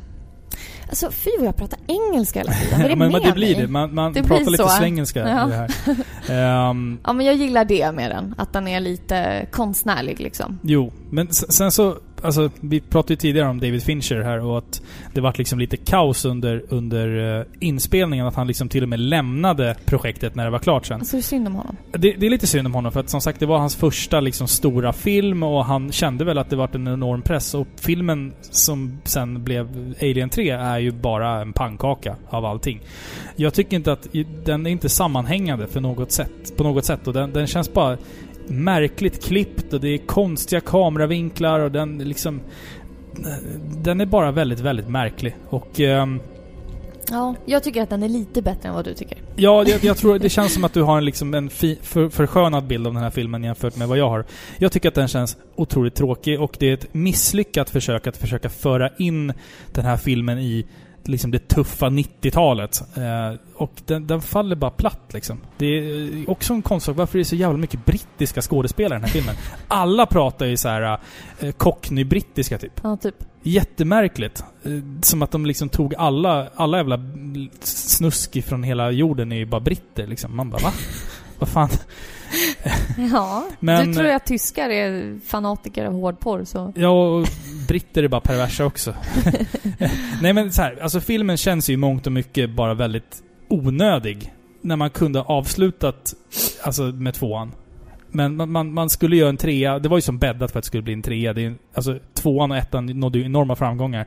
Och sådär. Men det är, det är ett konstigt avslut på filmen. Även om liksom manusidén är ju bra. Miljöerna är också ganska bra och skådespelarna är ganska bra. Men filmen är fan inte bra. Och jag vet inte, jag kan liksom inte precisera exakt vad det är som är dåligt med Jag tycker bara att den är tråkig. Ja, jo, alltså jag förstår vad du menar. Men jag, jag tycker att den här filmen är... Eh, alltså jag tycker att Alien-sagan skulle varit en trilogi. Jag tycker att trean skulle blivit gjord. Hela idén och konceptet är bra.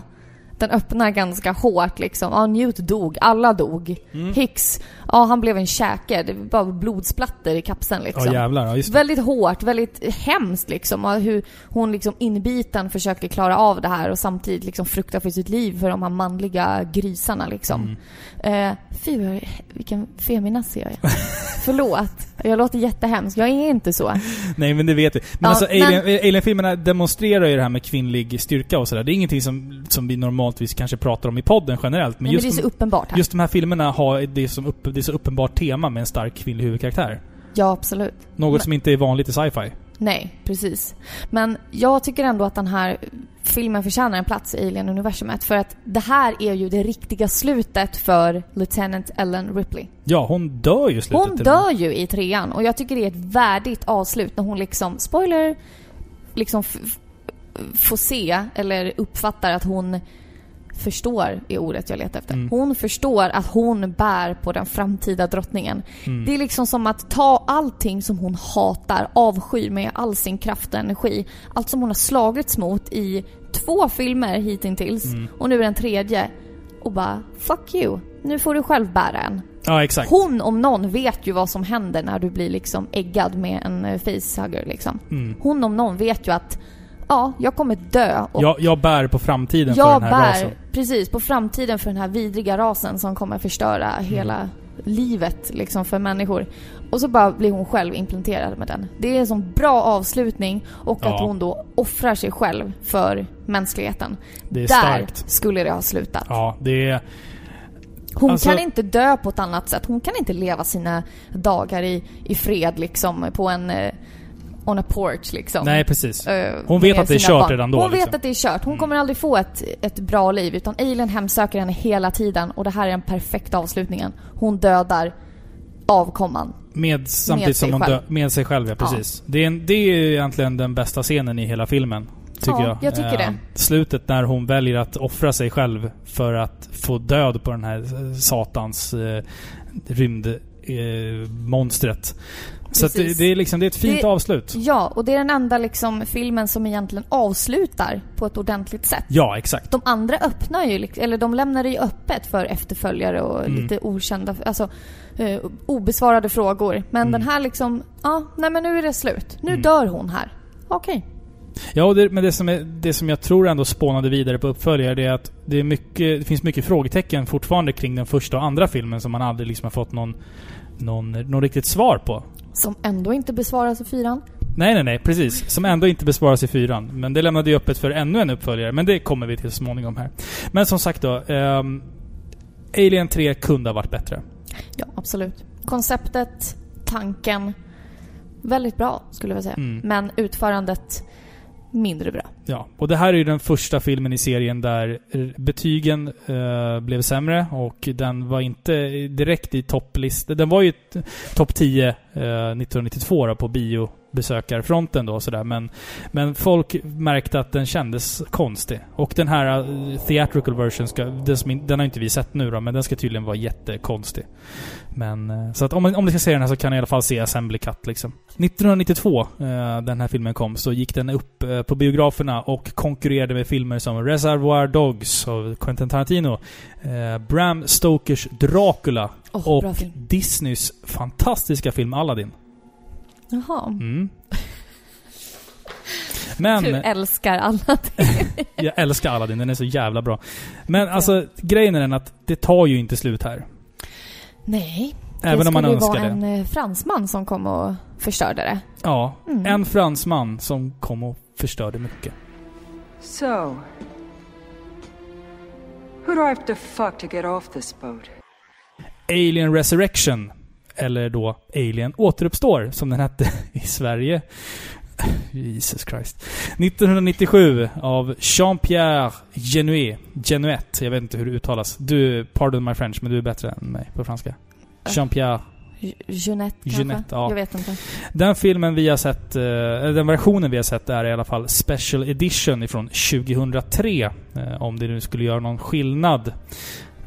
Båda versionerna av den här filmen är ganska dåliga, kan jag säga med en gång. Det här är ett dåligt försök att försöka återuppliva en serie som eh, borde ha fått dött med värdighet. Men i alla fall då, lite story här. 200 år har gått sedan Ellen Ripley valde att begå självmord på planeten Fury 161, fängelseplaneten. Under de år som gått så har eh, The Company, eller Wayland Yutani då, då, försökt... Det var det här företaget som vi pratade om tidigare då, då som... De, De, har inte gett upp. de har ju liksom under alla de här filmerna velat ehm, fånga en xenomorph och för att då kunna utforska dens, dens kraft att hela sig och dens kraft, alltså den, dess styrka. Man vill liksom fånga den för att göra experiment på den då. då. I tron om att de ska kunna tämja den och använda den som ett vapen. Ja, exakt, exakt. Eh, de i alla fall har ju under 200 år som sagt försökt att återskapa Ellen Ripley eh, med hjälp av lite blod som hittades i fängelset då, där hon dog.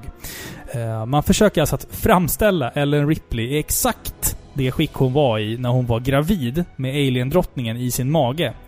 Och efter år av försök så lyckas man till slut och en ny Ripley framställs med drottningen i hennes mage som då plockas ur. Och den här filmen utspelar sig då på ett topphemligt skepp som jobbar ute i den mörka delen av rymden dit eh, utanför då, där människorna har kontroll på vad som händer i rymden. Eh, och forskare och vetenskaps, vetenskapsmän försöker nog föda, föda fram en armé av xenomorphs. Eh, och de får ju också... De behöver ju ha eh, värdmänniskor då, då för att kunna föda fram de här. Så då har de anlitat ett gäng härliga skurkar med bland annat Ron Perlman och Winona Ryder eh, för att eh, hitta bra liksom, hosts för de här chestbursters. Mycket SCH-ljud här. Eh, det tar dock eh, inte lång tid eh, innan de här xenomorferna fattar att vad fan gör vi här? Vi kan ju ta oss ut härifrån med vårt syrablod och sen kan vi bara förstöra det här skeppet. Och mitt i ehm, allt det här så har vi då våra skurkar och en helt ny Ellen Ripley i typ latexkläder. Vad fan gick fel här? Alltså, ja, jag vet inte. För, Alltså, alltså, bara på anslaget av den här filmen. I de tidigare filmerna så har vi haft snygga panoreringar av rymden och en logga har tonats fram med kuslig musik. Här är det bara så här massa datoranimerade DNA-strängar och så bara Alien Resurrection. Här, nu börjar filmen. Man bara, vad fan hände där? Vad hände med mitt anslag som jag tycker om? Ja. Det är borta. Det är bara så här. Det är så här 2000-talet, here we fucking come. Nu ska det vara in your face. Ja. Vidrigt dåligt. Alltså det som ligger till grund för den här ondskan, det är ju regissören. Det var helt fel val av regissör. Alltså, den här regissören, han eh, har ju till exempel regisserat eh, Amelie von Montmartre och typ Delikatessen och eh, City of Lost Children. Alltså det där, de tre filmerna är ju helt fantastiska. Ja, exakt. Det är filmer som har väldigt stor förankring i typ eh, detalj och känsla. Och jag uppskattar hans filmer väldigt mycket. Alltså jag älskar hans filmer. Han är väldigt konstnärlig, väldigt artsy liksom och lite ibland eh, komiska ibland. Tänk dig att man typ mixar David Lynch eh, som är väldigt eh, väldigt konstig Märklig. märklig med typ Wes Andersons eh, känsla för detalj och sånt. Då ja. har vi Jeanette, eller vad han heter. Jean-Pierre Jeunet. Jean-Pierre Jeanette, ja. Och även här så ser man hans detaljrikedom faktiskt. Alltså, men det är, det är snabba inzoomningar, det är lite komiska vinklar, lite dystopisk eh, futurism liksom. Och svart humor. Möter steampunk i någon bronsbrun smörja. Alltså, det funkar inte här. Nej. Fine, okej om det är på Paris kullerstensgator. Fine. Jag tycker om det då. Men inte i rymden med Ellen Ripley. Min älskade Ellen Ripley får inte liksom framställas som någon alien-hybrid som beter sig jättemärkligt. Alltså, jag tycker att det är roligt att se andra miljöer. Mm. Mm. Typ som i trean, då fick vi se liksom. Men den här följer inte samma modell som de första tre filmerna gör. Nej, verkligen inte.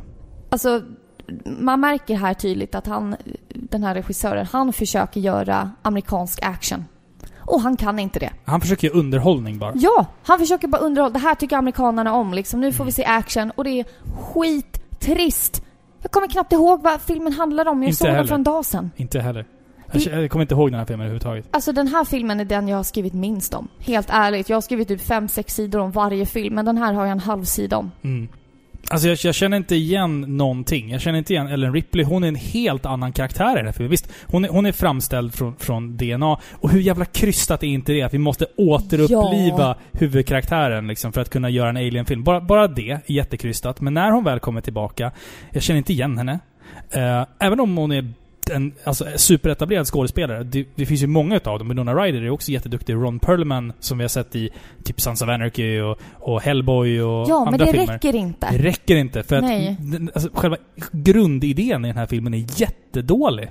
Ja, Det är När jättekonstigt. till och med Winona Ryders eh, karaktär Carl frågar Ripley Why do you go on? Ja, man bara... Man bara, ja, varför fortsätter ni göra kassafilmer? Låt Alien vila i fred.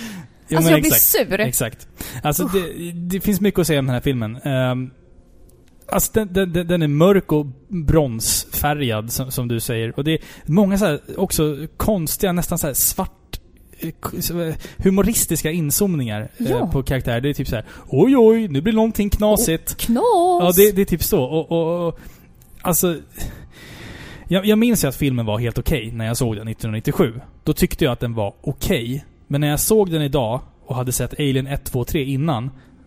Då bara tänkte jag så här, vad fan är det här för jävla skräp? Ja. Alltså, jag älskar ju Jean-Pierre uh, Junettes eh, andra filmer. Eh, City of Lost Children är ju helt ja, men enastående. där är han i sitt esse med den här äh, mörka dystopiska Ja, exakt. miljöerna. Men när man, när man tar hans liksom, sätt att göra film och sen liksom försöka svepa in det runt det som är Alien-filmerna.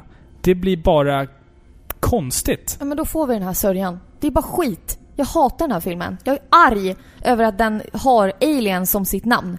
Ja. Vad är det som gör de första filmerna bra? Jo, den är mystisk, säger Mm. jag. Du säger att det är action för att du gillar tvåan bättre. Mm, mm. Men det är mystik, det är någon spänning, vi har obesvarade frågor, någonting som väcker vårt intresse. Den här filmen saknar allt det.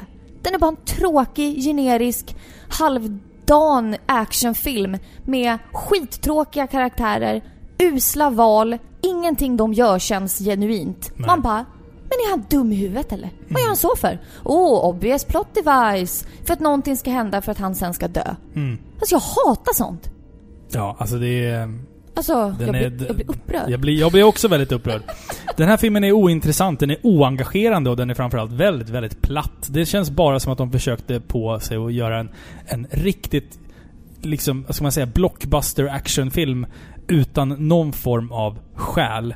Visst, alierna är ju, xenomorferna är ju datoranimerade i den här filmen också. Inte så mycket praktiska effekter. Lite praktiska Jo, effekter. lite, Det är lite är det praktiska. väl. De, de ser okej ut. Men sen senare i filmen då så får vi träffa på en, en helt ny typ av alien då som är en typ som en korsning mellan eh, alien, eller xenomo, en traditionell svart, lila eh, xenomorph och en människa. Och det ser typ ut som en så här skalperad hund typ. Och, den, Ja, den har näsa. och ögon och grejer. Och den ser typ Näsa. så här, det ser så här, Nos. det, näsa. Det heter näsa, inte nos. Nos är på hundar och katter. Så kul till er om ni förstår vår referens här. Förstår ni anekdoten där så är ni duktiga. Ehm, nej men... ehm, och det, det känns väldigt krystat och... och eh, fan... Åh, nej, det här, är, det här är verkligen lågbottenmärket i Alien-sagan. Eh, man kan diskutera huruvida Alien 3 var onödig eller inte, men att påstå något, något annat om den här filmen är ju bara, det är bara vansinnigt. Det är en dålig film. All kärlek till regissören. Alltså, han har gjort, som sagt, Ja, men han var jättemycket ute bra på filmer. djupvatten här. Men att försöka ta hans känsla och klä in en alien-film i det, det blir bara meningslöst och tillintetsägande. Och det engagerar inte mig ett jävla dugg. Jag kommer fan knappt ihåg den här Nej. filmen. Det enda positiva jag kan säga om den här filmen, det är faktiskt Alien. Ja. Jag tycker om Alien i den här filmen. Jag tycker att de är snyggt gjorda. Mm. Eh, faktiskt. Det, Ja, ja, det. Mm. kan jag ändå säga. Jag tycker att de är coola och de är ändå smarta. De, de håller sin liksom grundidé från början liksom. Men det jag- är det enda. Men i övrigt känns det bara som en jävla buskis. ja, Allting. allt bara gick åt eh, fel håll. Ja. I alla fall, jag, jag känner mig färdig. Jag vill inte prata en sekund till om Nej, här filmen. den förtjänar Eh, inte det. Jag tycker så här. Om, om ni skulle vilja vara intresserade av regissören så tycker jag absolut ni ska titta på City of Lost Children eller Delikatessen istället. som är två betydligt mycket bättre filmer av samma regissör. Ja, Ja. Eller Amelie. Den här filmen Såklart. gick ju inte så jättebra för på bio. Eh, 1997 så gick den upp emot Titanic, Det femte elementet och Will Hunting, som är Oh. tre vassa filmer. Så det gick väl sådär för den här filmen. Eh, alltså, jag, jag, jag- kommer ihåg när den här filmen kom väldigt, väldigt James tydligt. Cameron skrattade åt den Ja. efterföljaren på någonting han hade gjort så bra. Ja, alltså ja. Men, men alltså jag känner att den här filmen är ju liksom... Det är ett väldigt tecken för tiden. Alltså det här är ju en film som åldrats otroligt dåligt. De, de första två filmerna är ju väldigt, väldigt gamla, men de har fortfarande inte åldrats så jävla mycket. De känns fortfarande som att man typ skulle kunna se den idag. Och man, man känner ju fortfarande att den är stressande och obehaglig och läskig, de första filmerna. Men den här är ju verkligen tydligt, tydligt att den här är från 1997. Det är väldigt tydligt på hela filmen att den är från 1997. Anslaget när det liksom dyker upp på en gång så här, Alien Ja. Resurrection. Vet du vad det påminner mig om? Det påminner mig om menyskärmen på Playstation 1-demosarna. Ja, men lite så. De som ja, liksom var som bubblor så här. Ja, exakt. Så ser det ut. Det är B! Och sen tror jag att vi har, vi har lite så här rockgitarrer också i soundtracket och det är bara vidrigt. Det är, alltså, Alltså jag spyr. det hör inte hemma i Alien-universumet. Nej, det här är ingen bra film. Nej, vi går vidare. Ja. Enough said. I think they want us to come and find them. It's a star map. No, not a map, an invitation. Prometheus has landed. If you're going down there, you're going to die. Det skulle ju dröja fram till 2012 innan vi fick en ny, ett nytt entry i den här filmserien då. då. Vi väntade alla på Alien 5 och att vi skulle få en fortsättning på slutet då på fyran. Som lämnar, det lämnar ju öppet för Ellen Ripley lever fortfarande i slutet på fyran och sådär. Men det vi får, det är en film som bytte titel från Alien 5 till Prometheus. Något som kändes jättemärkligt för mig i alla fall. Lite oroväckande först. Sen såg man ju att det var Ridley Scott som skulle regissera den här filmen. Puss. Och då, då gick ju hoppet upp att det här skulle bli en bra film. Och det visade sig vara en prequel som skulle utspela sig innan den första filmen. Och bara där, jag såg, jag minns att jag satt ner på YouTube och såg trailern för den här filmen och bara så här. Okej. det här kommer antingen att bli jättebra eller jättedåligt. Och det är en film som försöker svara på frågorna som ställdes under de första filmerna. Vilka är de här jävla djuren? Eller alien-monsterna? Var kommer de ifrån? Vilka är de? I alla fall. Året är 2089. Ungefär 28 år innan den första Alien-filmen. Då arkeologerna Charlie Holloway och Elizabeth Shaw hittar en grotta som innehåller en typ stjärnkarta. Det är alltså grottmålningar, eller vad man ska kalla det, som pekar, någon gubbe som pekar på några stjärnor liksom. Och detta jämförs med tidigare fynd och man konstaterar mer eller mindre att eh, de pekar åt samma håll i galaxen. Och de väljer då att se den här kartan som en inbjudan. För att de vill ju också ha svar på var människorna kommer ifrån egentligen. Så man presenterar förslaget för ett företag som vi senare ska lära känna som Wayland Yutani. De heter Ja. ju bara Wayland Corporation här. Så hon pitchar då idén med att vi tror vi vet var mänskligheten kommer ifrån. Och vi behöver cash för att åka dit. Så att kursen bär av emot planeten LV-223. Och eh, väl på plats så upptäcker de kanske var mänskligheten kommer ifrån. Man har ju lagt Alien på operationsbordet. Alien har ju dött, så man tar nu fram de här som man hade i Cityakuten. De här Pengarna. stryk, strykjärnen som man mot Jaha. varandra. Du vet. Clear. Och sen clear! Di, di, di, di, di, di. Strykjärn. Och Defibrillator. defibrillator, tack. Och ur det så föddes 2012 års Prometheus. Ja. Alltså, det, det första jag kan säga som en liten rolig grej, eller det är inget kuriosa, det är bara en tanke från mig, det är att det är roligt att man har en svensk skådespelerska som eh, är filmens huvudprotagonist. Den Noomi otro- Rapace. otroligt vackra Noomi Rapace. Ja, hon är en otroligt bra skådespelerska, till exempel i eh, Millennium-filmerna. Ja, verkligen. verkligen. Men hon är inte bra på engelska. Och i den här filmen ska hon spela en brittisk forskare. Så Ja. hennes liksom försök till att låta brittisk... Åh, alltså det förstör! Jag gillar inte det. Nej. Jag tycker det är... Åh, men det är ändå kul att de har liksom en kvinnlig protagonist. För nu har vi ju inte Ripley med oss. Nej, nej, nej. Utan eh, nu är väl Ripley då ett barn typ. Ja, tiden, knappt alltså. född ens tror jag. Hon är väl ganska ung i den första Alien-filmen, Ripley. Ja, så att hon är väl knappt född här. Men i början av filmen så möts man ju av en eh, väldigt, väldigt vacker vy. Naturbilder. Anslaget till den här filmen Alltså, är ju underbart. i klass med de första filmerna. Alltså det är Precis. så jävla vackert. Du ser det här skeppet komma. eh, Du, du har liksom klippor, det är stora vattenfall, det är liksom naturkrafter Mm, får man se. mm. Eh, Det är ingen bebyggelse eller så, utan du är mitt ute på en öde planet liksom. Så ser du ett, eh, ett skepp närma sig. Och, eller skeppet lämnar planeten och lä- lämnar en muskulös människoliknande varelse kvar på planeten då. Mm. Och han håller eh, någon form av bägare med något svart organiskt klet. Och redan Mm. här så börjar man ju så här, jaha vad är det här för någonting? Tankarna börjar ju snurra på en gång. Mm. Man får inte vila utan nu sätter det igång på en gång liksom. Och han häller i sig det här äckliga kletet. Vilket eh, verkar bryta sönder honom inifrån. Hans celler liksom bryts isär. Eh, och han dör och ramlar ner i floden. Mm. Så han liksom offrar sig själv. Det känns redan från början som att det var det som var tanken. Mm, mm. Han blev satt på den planeten för att liksom offra sitt liv. Ja. Eh, och hans celler tillsammans med det här äckliga kletet, jag kommer kalla det klet. Ja men det är Ja. mycket klet i den här filmen. Mycket klet. Ja. Jag kommer referera till det som klet. Ja. Hans celler tillsammans med kletet verkar bilda de första byggstenarna för liv. Encelliga organismer. Ja. Och det liksom ska då vara någon bild av hur livet startade. Men då kommer ju frågorna. Det här är ju skitballt, Ja, men ja. det är många Mm. frågor. Mm. Vem är den här människan? Mm. Har, är det fler av honom? Är det de som styr skeppet då? Och var är han? Är det på jorden han står? Är det så liksom det ska, alltså att jorden, Mm. eh, livet på jorden började genom det här? Och vad är kletet? Mm. Alltså, vi, vi kan säga så här. Den här filmen svarar ju på många av de frågorna som ställdes i Alien 1 och, Alien 1 och Aliens. Men den ställer ju samtidigt ungefär dubbelt så många frågor efter... Alltså den här filmen, det finns så mycket teorier om vad saker och ting är, alltså vad som händer i den här filmen. Det finns så mycket i den här filmen som är väldigt oklart. Det finns väldigt många loose ends vi kommer kanske inte försöka gå in på djupet i hur vi väljer att tolka den här filmen. Nej. Utan vi, vi ser den för vad den är och sen så har ju vi en analys såklart av vad, vad, lite lätt vad vi Absolut. tror att saker och ting är. Men det finns ju som sagt väldigt mycket eh, fan-teorier om vad fan det är som händer i den här filmen egentligen. Precis. För det är ingenting som förklaras direkt. Det är ju en svaghet som den här filmen har liksom. Fast är det en svaghet?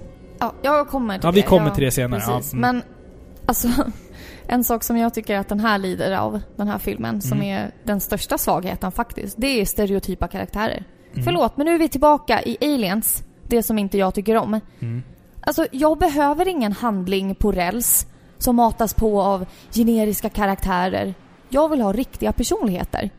Liksom, first off, what's with the attitude? Alltså, de här forskarna som vi träffar på här, Mm. om vi träffar den här gruppen då, då som ska vara filmens eh, karaktärer. Det är arkeologer och biologer och Ja, allt precis. Mm. Det är ingen högstadieklass som har blivit uttvingade på någon utflykt för att eh, leta alger och kottar liksom i åttonde klass. Nej, det här är vuxna, utbildade forskare som frivilligt har... Förlåt, jag är fast i alger och Ja. kottar. Förlåt, fortsätt. Ja, men det här är liksom människor som frivilligt har offrat två år av sitt liv i kryosömn för den här möjligheten, den här fantastiska möjligheten att utforska andra planeter. Mm. Och så sitter de där och skrattar åt Elizabeth Shaw och hennes eh, kille då, när de liksom beskriver syftet med hela resan. Alltså det är jättetråkigt och det är så krystat och det är, det är så här, jaha, här försöker de mata fram en konflikt. Hmm, Mm, undrar hur det ska gå.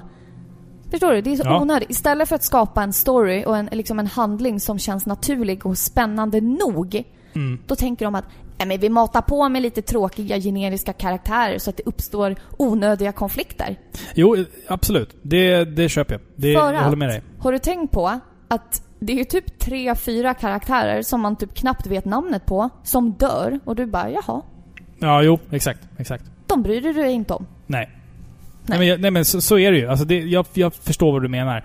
Eh, jag, jag tror att det också har lite med att göra att den här filmen är från 2012 och att man vill liksom kanske anpassa den här, om man ska kalla det för reboot, eh, till, till en mo- modern publik som kanske inte har sett de första filmerna. Att man liksom vill försöka anpassa det till, till nya tittare för att få in dem i, Menar du att vi är dummare nu? Nej, nej jag menar, men, men, ja det tror jag. Att man måste kanske locka in nya tittare med just de här klassiska klichéerna.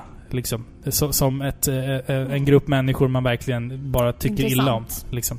Mm. Men alltså i introduktionen så möts vi av en varelse som vi senare ska kalla för The Engineer. Eh, De här stora, riktigt sexiga, vita, maskulina sakerna som är Sexiga. både... Men De är ju muskulösa. Är det bara jag som gillar musk... Nej. Jag, jag, jag, muskul, muskulösa män i alla fall. Ja. Det, det tycker jag, bara där. När jag, när jag ser anslaget och introt på den här filmen så blir jag så här: okej jag vill veta vad det här är för någonting. Vilka fan är det där?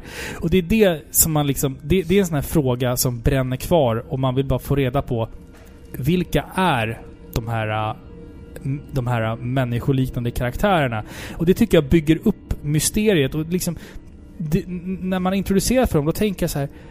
Jag vill nästan se mer om dem än om aliens. Eller xenomorphs. Jag vill veta vilka fan är det här då?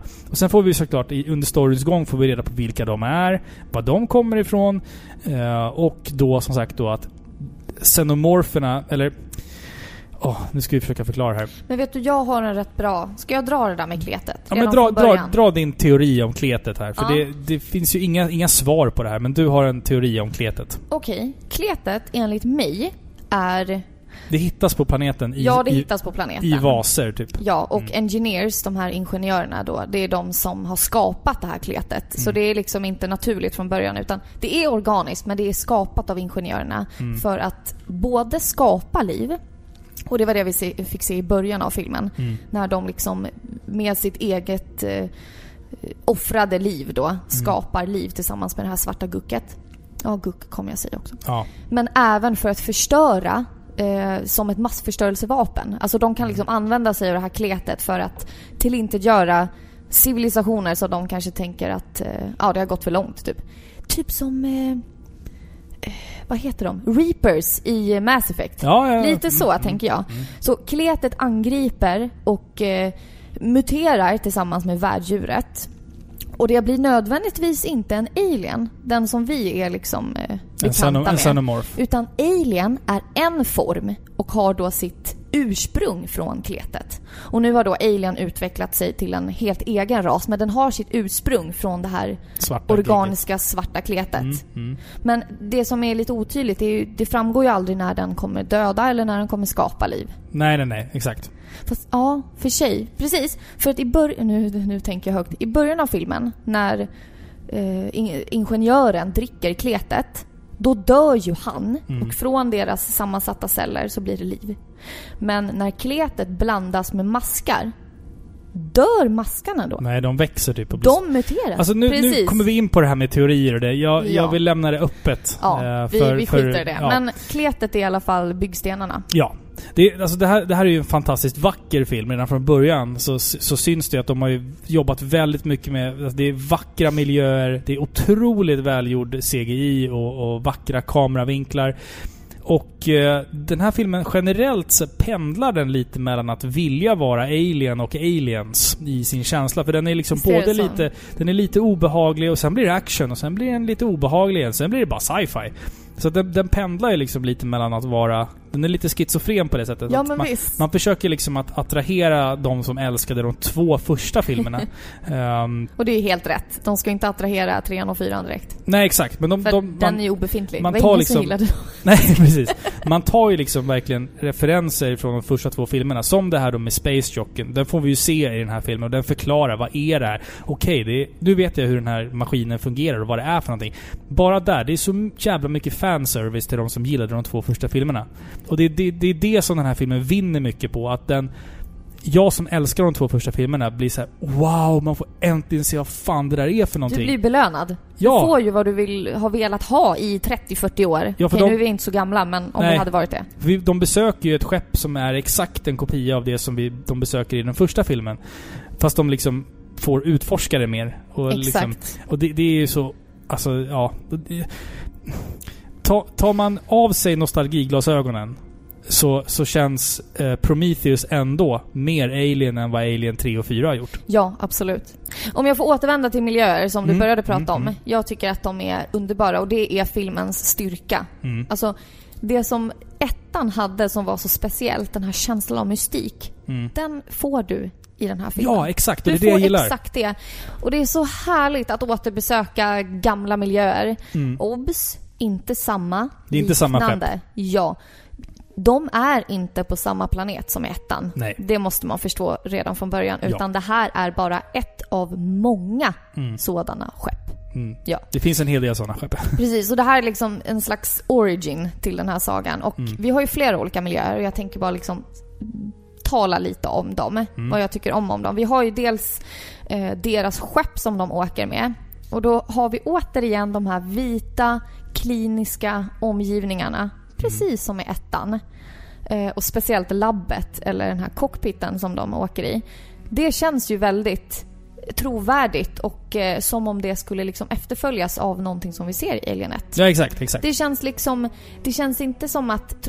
Bara för att filmen är liksom 30-40 år eh, yngre Mm. än ettan. Så att... Då känns det inte som att tekniken i Prometheus överglänser den i Alien. Nej, men samtidigt så måste jag också försvara det här. För folk säger att om de har skitgrymma grejer i Prometheus, men sen i Alien som ska utspela sig efter den här filmen, då är de, då är de bara så här skitsaker. Jo men tänk så här. I första filmen, de har åkt på ett fraktskepp för att frakta Exakt. mineraler och stenar. Det här är liksom en miljardbudget man har haft för att forska på en planet. Så te tekniken ser ju annorlunda ut beroende Ja. på för att det är en annan budget. Men jag håller inte med den kritiken. Alltså jag tycker att den följer en ganska trovärdig kurva ändå. Ja, det gör den absolut. Eh, och själva planeten som de landar på, den är ju helt magnifik. Alltså det, nu känns det som att idén och själva tanken och universumet som de byggde upp på 70-talet med de här första filmerna. Mm. Det är liksom, nu har man äntligen tekniken att kunna visa det. Mm, Och det är så sätt, liksom. härligt att kunna se det liksom. Mm. Och de hittar någon form av pyramid också. Mm. Och, Och det är den- där allting händer. Ja, det är där allting händer. Och den är inte nödvändigtvis alien om man säger så. Det är Mer obehagligt. som gammal civilisation med väggmålningar och skrifter på väggarna och sånt där. Den är jävligt obehaglig Men platsen. sen när du kommer in i cockpiten och ser den här space jockeyn då känns det exakt som ettan. Ja. Dels för att de ser just den i ettan, men då nu har vi de här tydliga gigermiljöerna som att hela rummet är uppfyllt och liksom infekterat av Xenomorphs Ja, svarta biomekaniska kropp. Det är liksom, åh, jag känner igen det här. Det känns så bra. Mm. Så det är kul att se bekanta miljöer. Ja, ja absolut, absolut. Eh, vi måste också nämna att, eh, vi pratade lite om skådespelarna förut här, men eh, ehm, David, som är en android, som spelas av Michael Fassbender, alltså han stjäl ju, han stjäl ju showen i den här filmen. Han är en otroligt bra skådespelare. Ja, jag håller med. Mm, alltså, sen, sen finns det ju liksom... Det finns vissa skådespelare som är väldigt, väldigt bra och sen finns det vissa som är inte lika bra. Men, men, men Michael Fassbender äger ju den här filmen. Alltså han är så otroligt grym som den han här... är eh, obehaglig. Han är obehaglig. Han, han känns Det är som ju att... någonting äckligt med eh, alltså en AI Ja. som liksom är trevlig. ja, exakt. Och liksom svarar dig Ja. på ett artigt sätt men samtidigt vill döda dig. Alltså det Ja. är ju äckligt. Det är ju 2001 liksom Space Odyssey. Ja, ja, absolut. Alltså, sen också... Men det, det finns, sen finns det... Alltså den här filmen är ju inte helt utan problem. Eh, huruvida här, den här filmen bara har liksom ett dåligt manus, eh, eller om det liksom finns en masterplan att man ska förklara de frågorna som ställs i den här filmen i, i uppföljare. Det, det är ju... Pro, det, det är ju upp till oss... Vi får ju vänta och se liksom om vi får svar på många av de här frågorna. För att filmen, den förvirrar ju dig och när du har sett filmen så finns det väldigt mycket så här man, man, man ser samma film, fast man har helt olika teorier om vad fan det är som händer i den här filmen. Exakt. Och det är ju inte så man vill att en film ska vara egentligen. Nej men det är det som jag menar, att fr frågan är ju då om det liksom finns en större tanke med det här att vi ska få se svaren i Prometheus 2, eller den heter ju inte så, men i uppföljarna på den här filmen då. Eller om det liksom bara är att det är ett skitkonstigt manus, liksom. Alltså jag... Alltså, först visste jag inte om att det skulle komma en uppföljare. Och då tyckte jag bara liksom att oj, det här var jätteförvirrande. Mm. Jag ville så gärna se filmen från eh, ett gott perspektiv om man säger så. Men jag kunde inte undvika att tycka att filmen var liksom... Den tog sig själv på lite för stort allvar. Mm. Jag menar, den, den målar upp händelser och den ställer frågor men den ger inga svar. Den ger lite svar från de gamla filmerna, men Ja, den ställer ju... pyttelite. Men Den ställer ju mer frågor. Ja, den liksom tar så mycket och man sitter där som ett frågetecken i slutet. Och egentligen så har du ju kvar samma frågor som i början. Ja. Vilka är engineers och vad är kletet? Du får ju egentligen inga svar på det.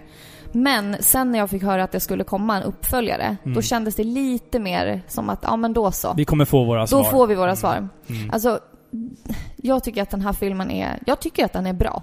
Ja, den är- Men ja, är handlingen är väldigt hafsig. Alltså för när saker väl börjar hända, då, alltså de reagerar på ett sånt ologiskt sätt. Alltså reaktionerna känns inte trovärdiga. Nej. Alltså till exempel när, jag menar, folk börjar dö liksom och hon, Elizabeth Shaw, hon börjar liksom förstå att ja, företagets intressen går före våra liv liksom. Mm. Den insikten som alla i Alien-filmerna liksom får upptäcka. Mm. Det är liksom ingen som ifrågasätter det.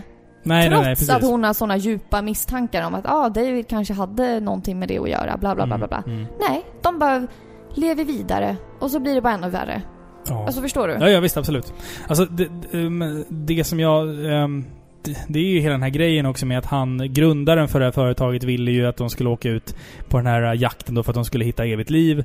Men sen visar det sig att han är på, på skeppet i le, levande form. Jättedåligt Exakt. sminkad. Och han är, ja, det är ju vidrigt. Det är vidrigt, men samtidigt så här, det ska tydligen vara någon sån här wow moment i filmen. Jag blir så här bara, jaha.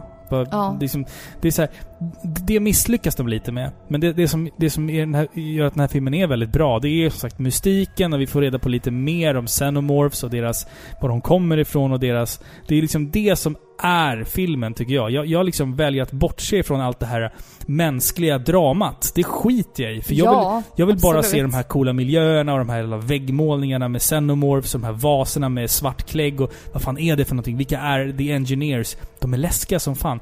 Eh, liksom, det är ju det som är det intressanta innehållet. Jag liksom på något sätt sorterar bort allt mänskligt drama ur den här filmen. Ja, det är oviktigt. det är oviktigt för mig.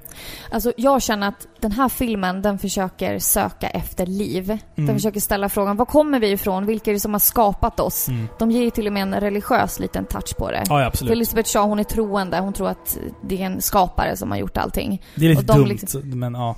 Vadå, att de har med det?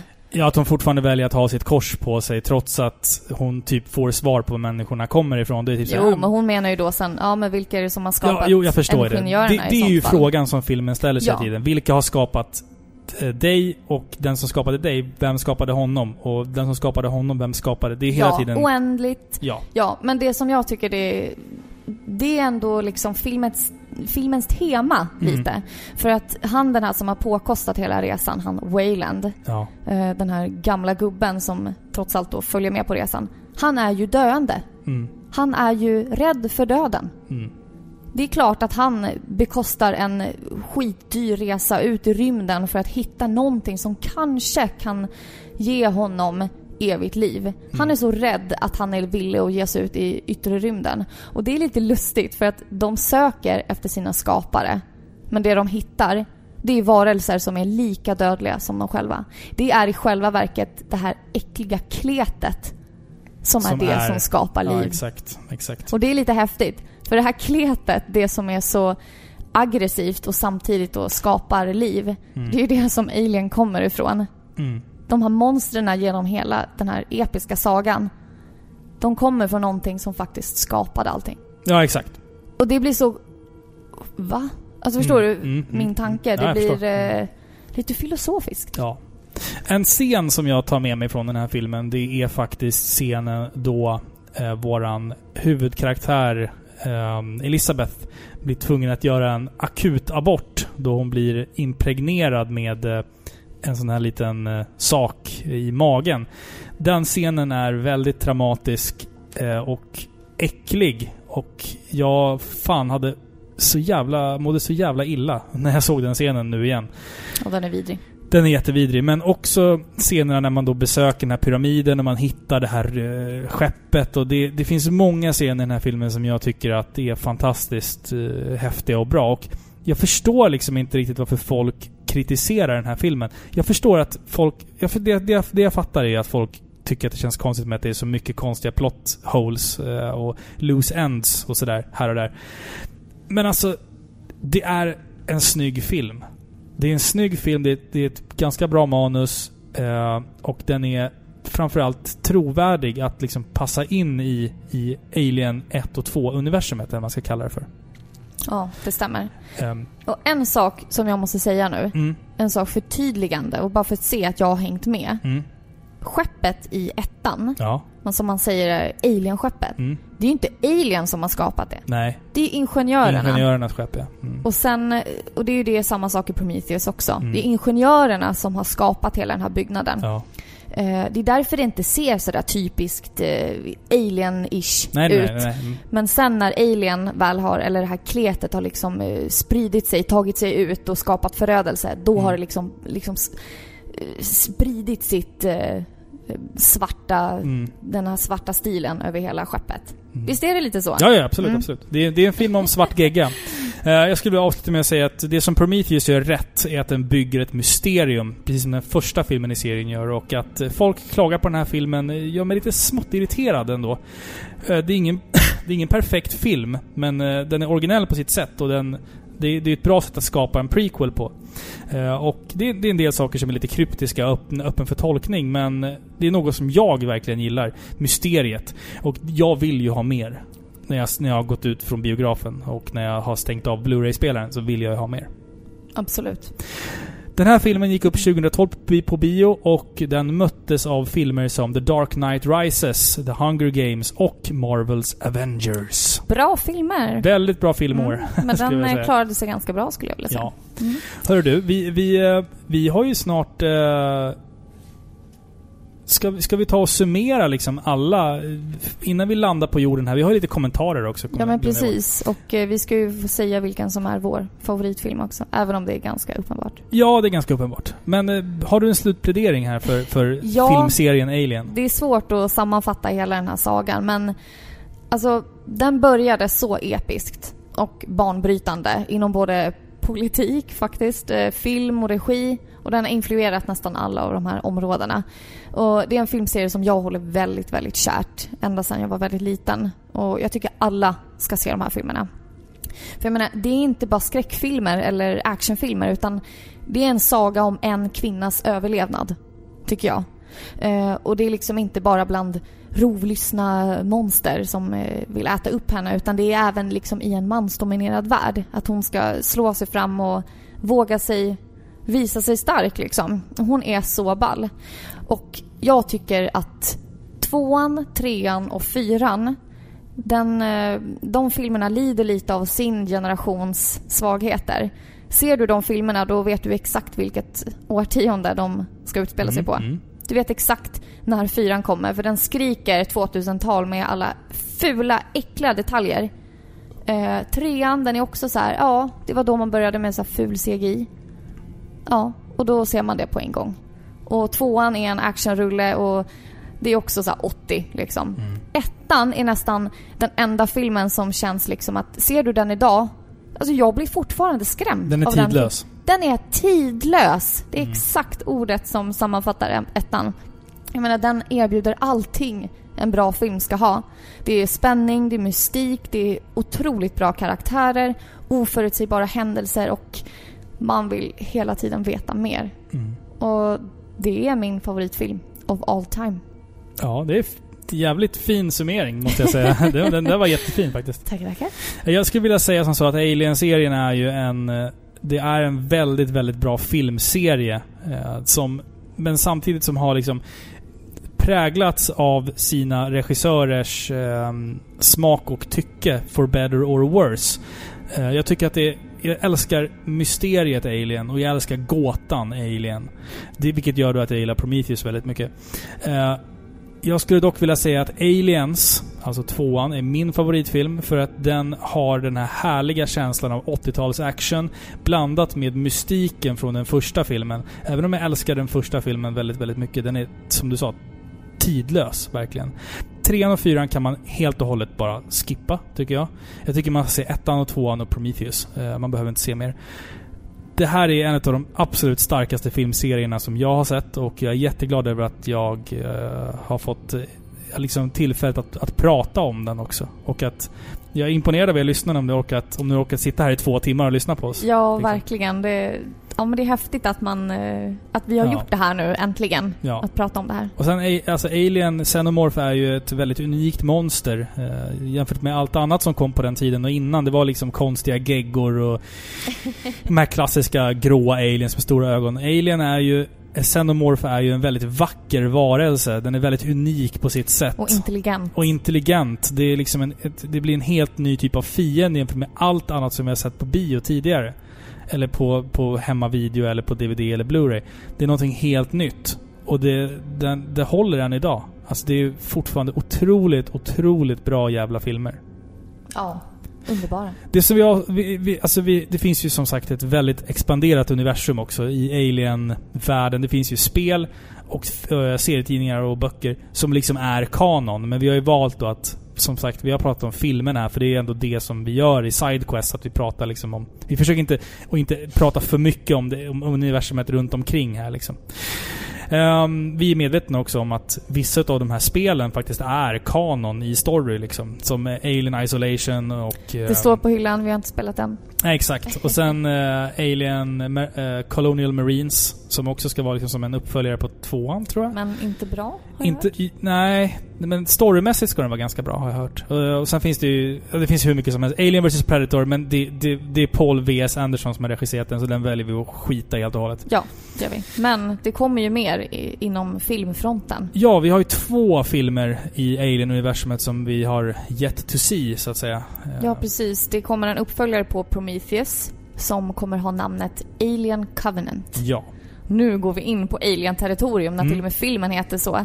Eh, och sen finns det någonting som bara kallas Neil Blomkamps Alien Project. Ja. Eh, Och den, nu blir det intressant. det är lite kul här. Den här filmen tar vid efter tvåan och skiter i trean och fyran. Det är så jävla häftigt. Vilket gör att Corporal Higgs och typ Newt och Bishop fortfarande lever. Och Ripley, Sigourney Weaver, lever. Ja. Alltså, Alla fyra. Den här räddningskapseln kapseln som sköts ut från Sulaco Mm. är fortfarande vid liv liksom. Den, Ja, den flyger fortfarande runt i universum as Mm. we speak. ja, det Och resan fortsätter. väldigt, väldigt häftigt. Eh, Och i då Prometheus 2, eller Alien Covenant som vi sa här tidigare, där är det ju bekräftat att vi kommer att få se... I Prometheus fick vi aldrig se en riktig xenomorph. Nej, vi fick Mm. se en form av... Ja, men det är bekräftat att i Alien Covenant så kommer vi att få se den färdiga formen av xenomorph. Då har den liksom utvecklats klart. Alltså. Till, att, till att bli den som vi ska se i första Alien-filmen sen. Det är häftigt. Så att vi går ju ändå, den här filmserien är ju pågående, den är inte slut här liksom. Men det här avsnittet av Par i pixlar ska vi snart börja avsluta. Vi ska läsa lite kommentarer som vi har fått här på våran, på våran eh, intercom-dator här. Jag ska bara knappa fram det.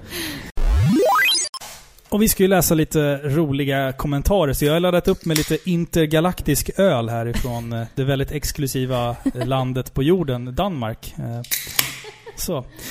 Ska jag läsa första kommentaren då? Ja, men gör det. Vi ställde ju frågan till er fantastiska lyssnare eh, vad ni tycker om de här filmerna.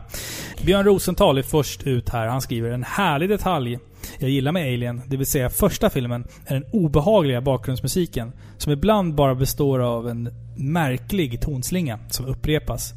Denna hörs främst tidigt i filmen, men låter nästan som om det är något ljud som kommer från skeppet Nostromo. Annars så är trailern helt fantastisk. Ganska unik i sitt slag, då det inte är någon dialog alls i den. Nej, man fick ju bara se typ som ett litet ägg som så här kläcktes. Så det var inte det här... Äh, nu har vi inte pratat så mycket om de just äggen där, facehuggers ligger i.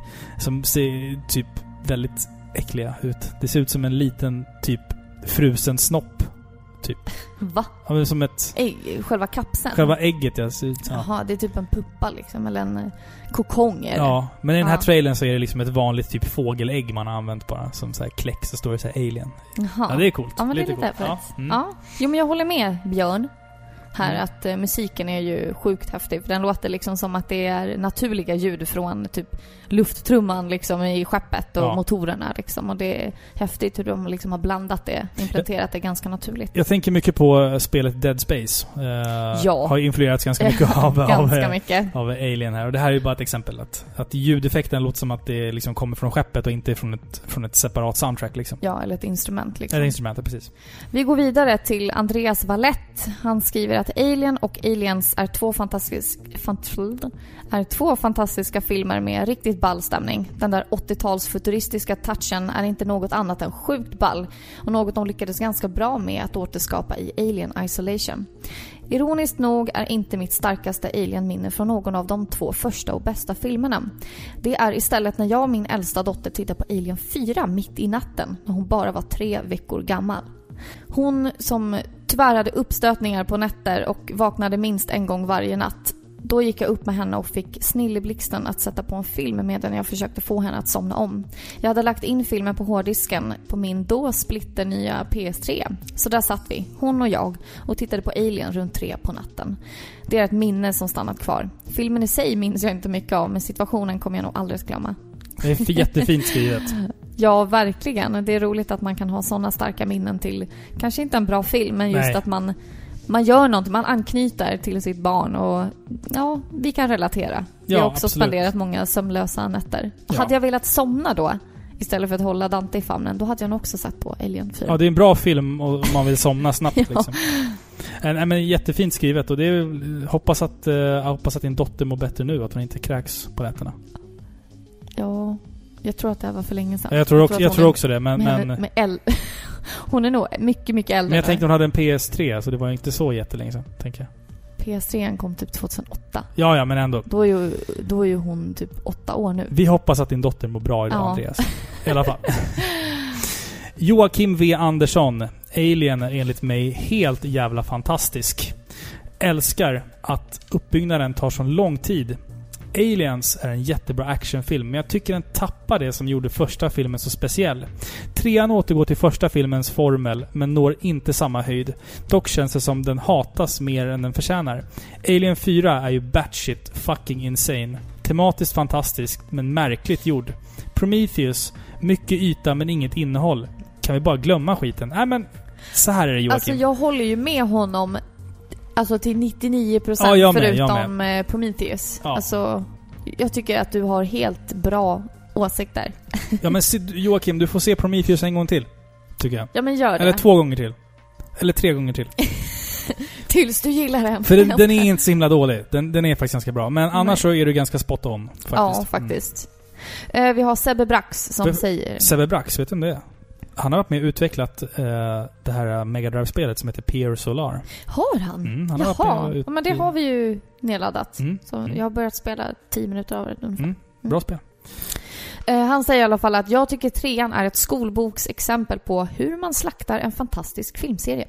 Medan Resurrection gjorde ett tappert försök i det omöjliga uppdraget att återställa allt som föregångaren förstörde.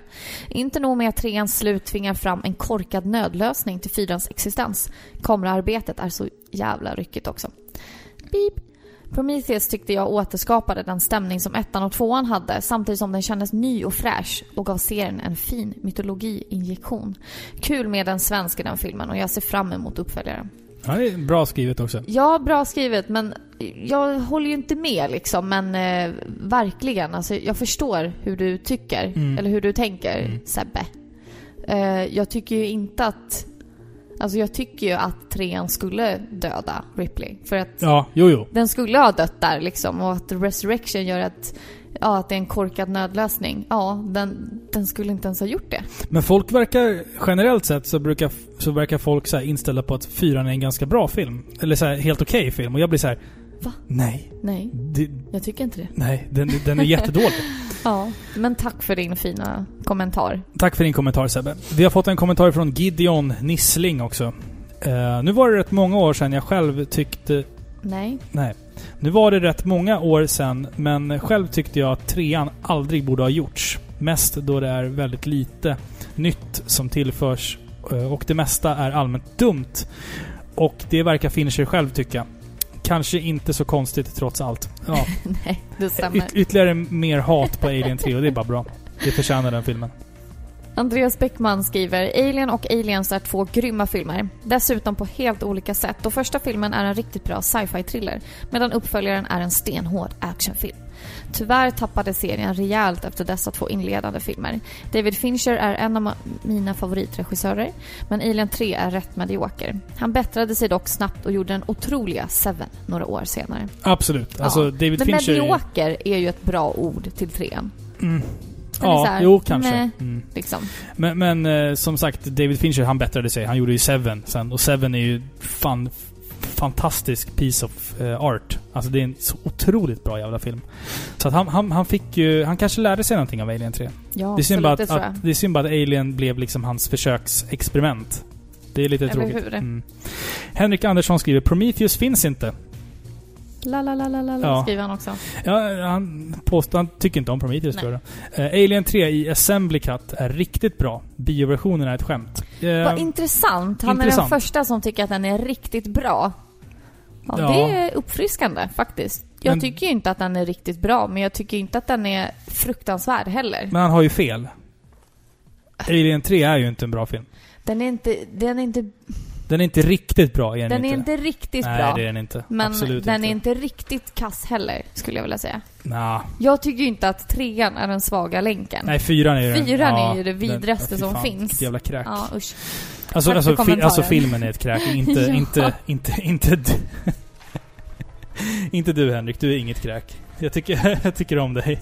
Men filmen är ett kräk. Bara så, ja. Ja. Förty, förtydligande där så att vi inte Ja, ska få något hatmail här. Vi går vidare till vår norska kompis. Nej, han är vår internationella lyssnare. Internationella lyssnare, Ja, mm. Espent, 79, han skriver att Alien och Aliens är båda favoriter på olika sätt. Alien är den perfekta sci-fi horrorfilm, horrorfilmen eh, och Aliens är den perfekta sci-fi actionfilmen. Alien 3 är okej, men inte mer. Alien 4 är okej. Okej, plus, plus. Plus, skriver. plus. Hmm, Mm. förvirrande. Mm. Eh, Prometheus tycker jag är bättre än sitt rykte. Jag gillade den jättemycket. Ja, alltså jag håller med om mycket. Förutom att Alien 4 är okej plus plus. Det håller jag inte med om. Nej, Alltså den är, inte. den är jättedålig den filmen. Men vi respekterar din åsikt. Du får Men tycka alltså, så. han är från Norge. Han tycker annorlunda. Nej men. Vad menar du nu? Jag Har skojar bara. no någon åsikt av alla de här kommentarerna varit liksom Nej men, nej, liknande? men, nej men Norge kanske fick en annan version av filmen. Nej, vet, nej jag sluta. skojar. All, alla tycker vi olika och det är det som är fantastiskt med den här världen, att alla Ja. människor tycker olika. Precis. Mm. Vi tycker om dig ändå Espen, även om, Ja, det även, om du, även om du gillar Alien 4. Uh, WeSpawn, som är en annan podcast, har skrivit eh, Kul! Jag älskar den första filmen. Kan se den om och om igen utan att tröttna. Aliens också. Det ska bli kul att höra er prata om dem. Ja, vi hoppas att ni har tyckt att det var kul att lyssna. Ja, det hoppas vi. Mm. Och, ja, roligt. De skrev nog kul som ett respons på vår fråga på Mm. Instagram. Jag tror att vi liksom frågade typ, vad tycker ni om att vi ska göra Alien? Eller Ja. vi liksom, ja, Ja. vi skrev väl att vi skulle göra Alien. Ja, ja exakt. De bara, de bara helt oprovocerat, kul! Kul! Ja, jag börjar bli Vi, lite vi, tycker, vi tycker om er WeSpawn. Ja, det gör vi. er. Eh, Vi går vidare. Floyd Wiklund skriver, mycket spännande. Jag antar att det är också en respons på. Mm, ja. mm. Måste lyssna. Ja, då hoppas vi nu att du gör alltså. Mm. Eh, Alien och Aliens är inget annat än mästerverk trots att båda filmer skiljer sig väldigt mycket från varandra. Ja, jag håller med. Ja, absolut. Det, det, ja, det är ju så. Det är kul att han inte ens nämner trean och fyran och Prometheus. Det, De är inte värda att nämna Nej. nivån på. Nej. Uh, Lysegard eh, har skrivit på Instagram. Min, ap- min absoluta favori- favoritfilmserie någonsin. Dock så passar inte Prometheus in där. Det är inte en dålig film. Men det är bara inte en Alien-film. Xenomorphsen kan vara de mest intressanta monstren i filmhistorien. Coolt att de tar egenskaper från sin värdkropp och sånt. Och Giger gjorde ett mästerverk i designen. Man kan nog inte tänka sig ett läskigare monster. Nej, det har du helt rätt i. Du har Alltså, rätt i det. Mm. jag, jag tycker dock att Prometheus passar in. Ja. I, det är bara för att... Det känns som att vi får försvara Prometheus Ja. efter varje kommentar. Ja, men alltså, det, jag, jag känner att det är okej, för jag, jag tycker att det... Alltså, det hade ju omöjligt gått att få samma känsla som ettan och tvåan, bara för att de är ju så gamla filmer. Det är omöjligt att få den känslan. Liksom. Men jag tror att, inte för att förringa åsikterna hos våra lyssnare, men jag tror att många människor kan vara så att de de lider av det här nos- nostalgigrejset. Så Ja. alla äldre filmer, ja de är bra. Förstår Mm. du? Medan man liksom inte förstår och kan tro och tänka sig att filmer som görs nu är bra. Ja, men jag Förstår du? hade, Man jo, tänker exakt. Mm. sig inte att filmer som görs idag, imorgon och om två dagar, de kan, kanske också blir mästerverk Mm. en gång i tiden. Alltså det är så lätt att tänka att det var bättre förr när det gäller filmer och sådana saker. Och Ja, ja, ja, filmer visst. nu för tiden, det är bara skit liksom. Så det Mm. är klart att när Ridley Scott tog på sig rollen att göra en till Alien-film, Mm. alltså det är ju jättesvårt.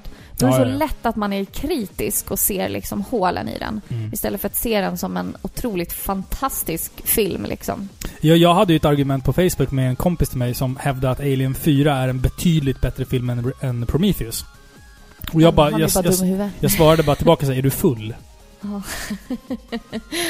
Ja. ja. Eh, Grillkirre skriver att Aliens var första filmen jag såg. Oklart hur ung jag var. Men garanterat alldeles för ung.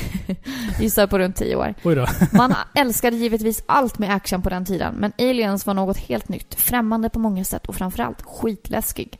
Chestburster-scenen gav mig många nätter med mardrömmar, kan jag lova. Aliens såg jag några år senare, men blev djupt besviken. Den var för annorlunda. Va? Alltså jag blev helt förvånad. Ah, ja.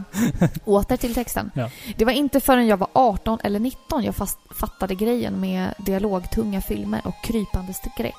De två första filmerna är såklart de bästa, men måste jag utnämna en favorit så väger nostalgin och barntraumat högre än en välskriven och välutförd rymdskräckis. High five till dig grillchipset. Vi är på samma, vi är Ja. samma båt. Alltså, jag förstår ju. Mm. Vickningschipset. Mm. Ja. Nej men alltså det, och, alltså de här filmerna, vi har inte pratat så mycket om det, men de här filmerna är ju otroligt våldsamma i många utföranden. För den här eh, xenomorfen väljer ju att ta död på sina människor, med sina offer väldigt, på väldigt brutala sätt. Ofta med den här tungan, som, som är liksom en egen mun. Eh, så det gillar att picka hål i huvudet på folk. Eh, och det är otroligt våldsamt. Så Ja. det, det, ja, men tio år är väl en bra ålder att se sånt. Eller? Ja, jag var ju bara typ fyra. Ja, jag tror jag var väldigt ung också när jag såg de här Så. filmerna för första gången. Mm. Och Tack jag för- blev ju normal. Mm, Ja, det kan man diskutera. Eh, vi ska avsluta med en kommentar från Dead Andy. Som föregående kommenterare sa så är Alien en av mina... En av favoritserierna. Förutom Prometheus, som jag tyckte var hemsk, eh, eller urusel. Favoriten är Aliens.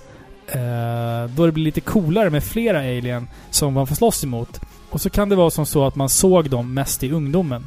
Dock så får jag ilningar i ryggen av del 1. Ännu när man får se eh, Alien för första gången. Och givetvis när bröstet sprängs. Alltså, really? Andy? Urusel? Urusel är... Vet du vad som är uruselt? Det är typ så här Chihuahuan i Hollywood. Eller andra kassa, äckliga lågbudgetfilmer som eh, Hollywood sprutar ut varje år. Eller Ja. äckliga amerikanska remakes. Det är uruselt. Ja. Men Prometheus? Really? Nej, nej, nej. Det, alltså, okej, vi, vi tar nu på oss eh, emblemet här som säger att vi är de officiella Prometheus Defenders of the World här. Jag skojar bara med dig. Det är självklart att du får tycka det. Och jag, jag förstår ju bristerna i filmen. Och jag förstår alla kommentarer. Mm. Alla er som har kommenterat hur ni tänker. Och det är helt valid opinions. Ja, Verkligen. absolut. Jag har helt rätt i det ni säger. Jag tänker inte helt likt, men det är det som är härligt. De här filmerna berör ju oss alla på, På olika sätt, ja. plan. Ja. Och på olika sätt, ja. Mm. Men det som är liksom den röda tråden i det, det är ju att man älskar ju Alien. Ja, exakt. Man älskar Alien. Och det finns ju någonting för alla och alla har sina olika favoritfilmer och vissa tycker trean är skitbra, vissa tycker fyran är jättebra. Det är det som är så intressant för det finns ju alltså en film för alla i den här serien. Ja, för de är man så, kanske o- någon, någonstans... Förlåt, de är så dig. otroligt olika, förlåt. Exakt. Det, man kanske någonstans är glad, vill jag inte säga. Men det finns någon, något positivt med att de är så olika då. då. Mm. För att det liksom har tilltalat alla. Alla. Hela publiken Mm. kan se någonting med Prometheus. Mm. Eller vad står jag och säger? Alltså jag är någon annan. Nå, kan se någonting i Ja. Alien. Exakt. Hör du, jag tittar ut genom fönstret här. Ser du den vackra siluetten av jorden närma sig här ute? Ja, vi är snart framme nu. Vi är snart framme, vi är snart hemma igen. Ja, Fan skönt. Vi har skönt. överlevt... Alltså, vi har har överlevt den här resan. Vi har överlevt. Vi Ja. fick ju skjuta några Xenomorphs med våra coola smart guns, men... men Ja. Är vi... Smartphones, tror jag du skulle säga. Vi ska snart hoppa in i våran kryosömn en sista gång och sova en liten Ja. stund innan det är dags för nästa uppdrag. Och hoppas att det inte är en eh, facehugger som Nej. etsar sig fast på oss. Åh fy. Ja, mardrömmar.